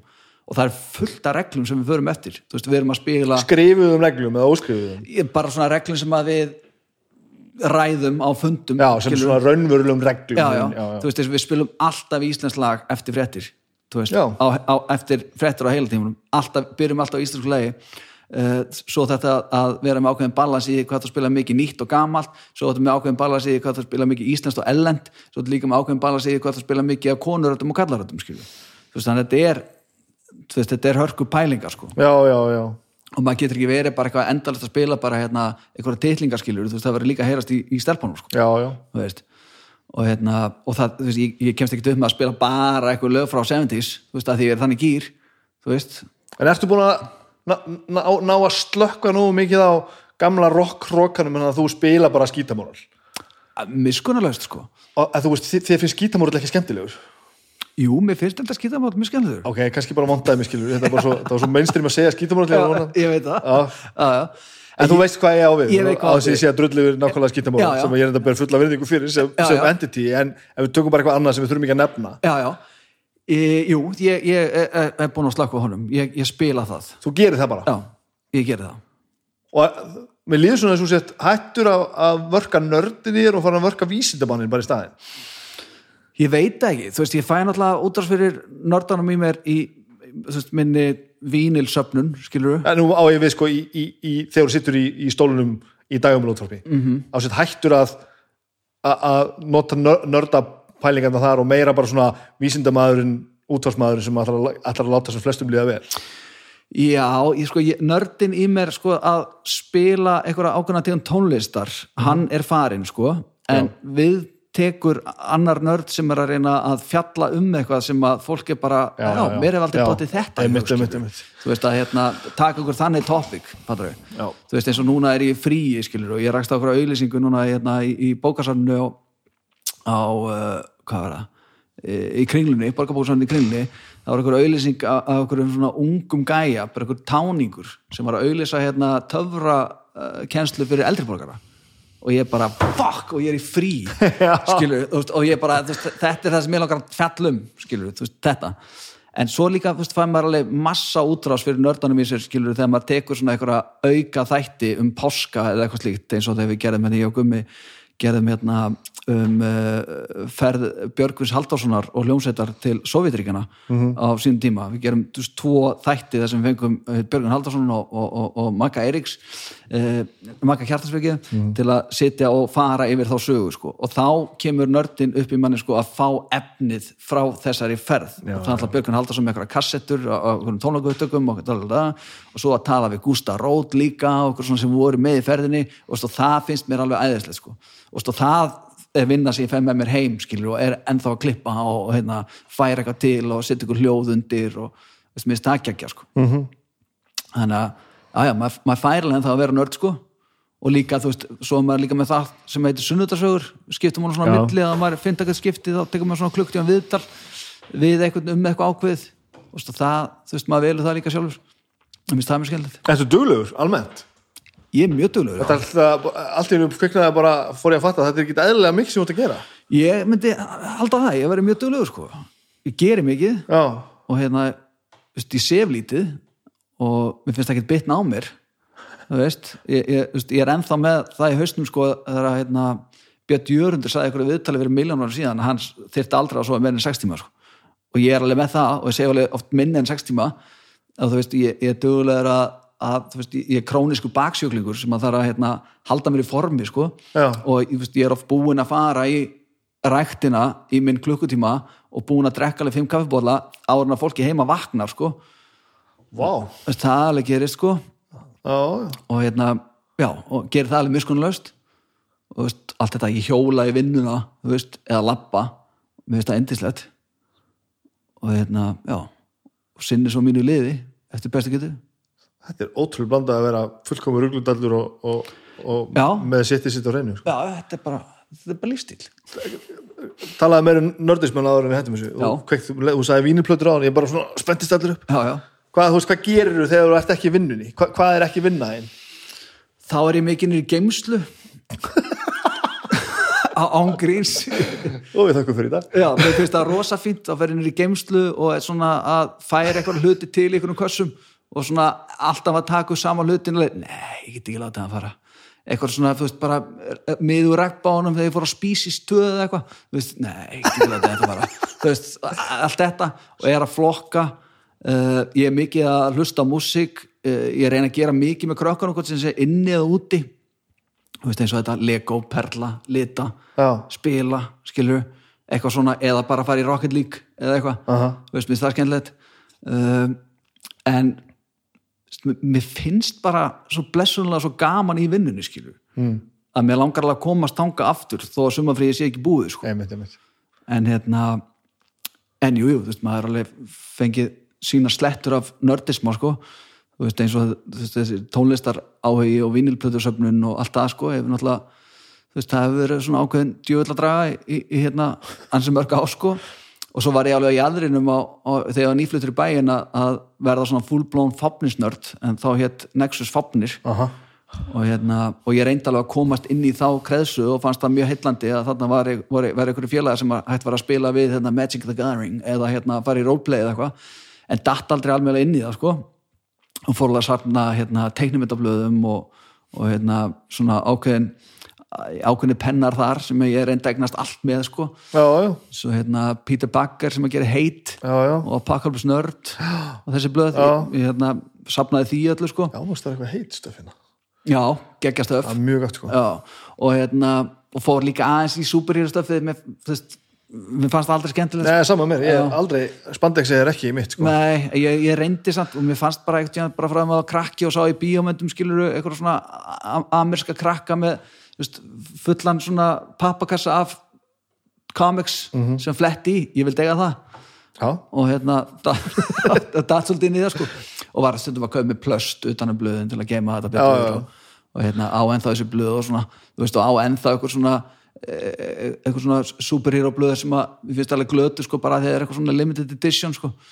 Þú veist fyrsta Gene 13 blaði sko ég er alltaf að býða þetta að það verða eitthvað verðmætt sko það verða aldrei sko þannig að maður er að reyna sko hver ertu búin í frí? hver heyrum við? ég á að vera búin í frí, ég á að vera búin í frí 16. ágúst já, þú ert ekki alveg komin að það hvað, hvað er núna? annar? já maður var mánudegi hérna, annar ágúst sko. Ég, er búin að senda post, ég vil koma fyrr En ég, fer bara tilbaka svona, hérna, svona auto-reply að ég maður minn er í frí og mér er illa að ringi hann og beða um að koma fyrr hérna.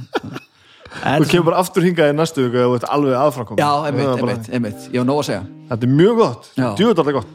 Já, já, já, það er að gera sitt besta. Takk fyrir að tala um mig. Já, bara takk fyrir að fá mig.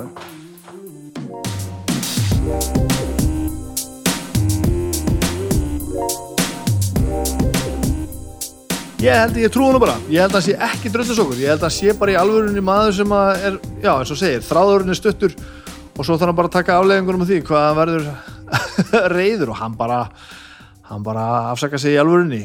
Ég, ég held að lífið væri betra ef að allir myndu bara gera það sem hann sagði.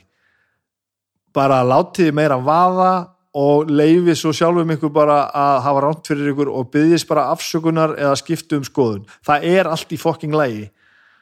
Þetta, þetta, hérna, þetta gerði dagminn enn betri heldur en hann var. Þetta gerði nú allt saman gott. Uh, ég, þetta er orðið gott. Ég ætla bara að minna ykkur á það að besta platan, hún er á dagskáni á morgun. Þáttur nummer 99, nú fennum við að draga til tíðinda sko.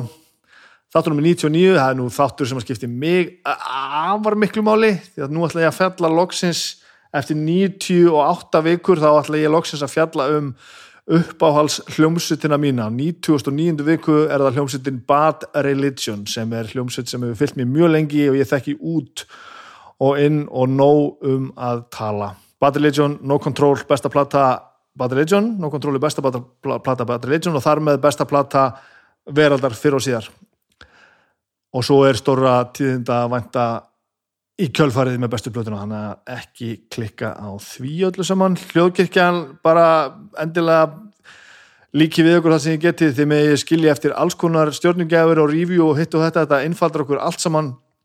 Eh, lífið við, við þegar við erum meira áberandi þá er auðvöldra fyrir okkar að vera til og þegar auðvöldra fyrir okkur að vera til gerum við enn betur og þið hafi meira á að hlusta. Þannig að þetta er win-win svo kallað og ekki verður hægt nema að hafa góða samtalsæðala og Simin Pay enn og aftur Simin Pay, takk fyrir að taka þátt í þessu með mér. Þetta blessaðist nú allt. Þetta blessaðist allt. Nú tekur lífið við aftur og, og sumafríðið er búið. Það var geðvikt sumar. Takk fyrir í dag, við heyrumst eftir vikum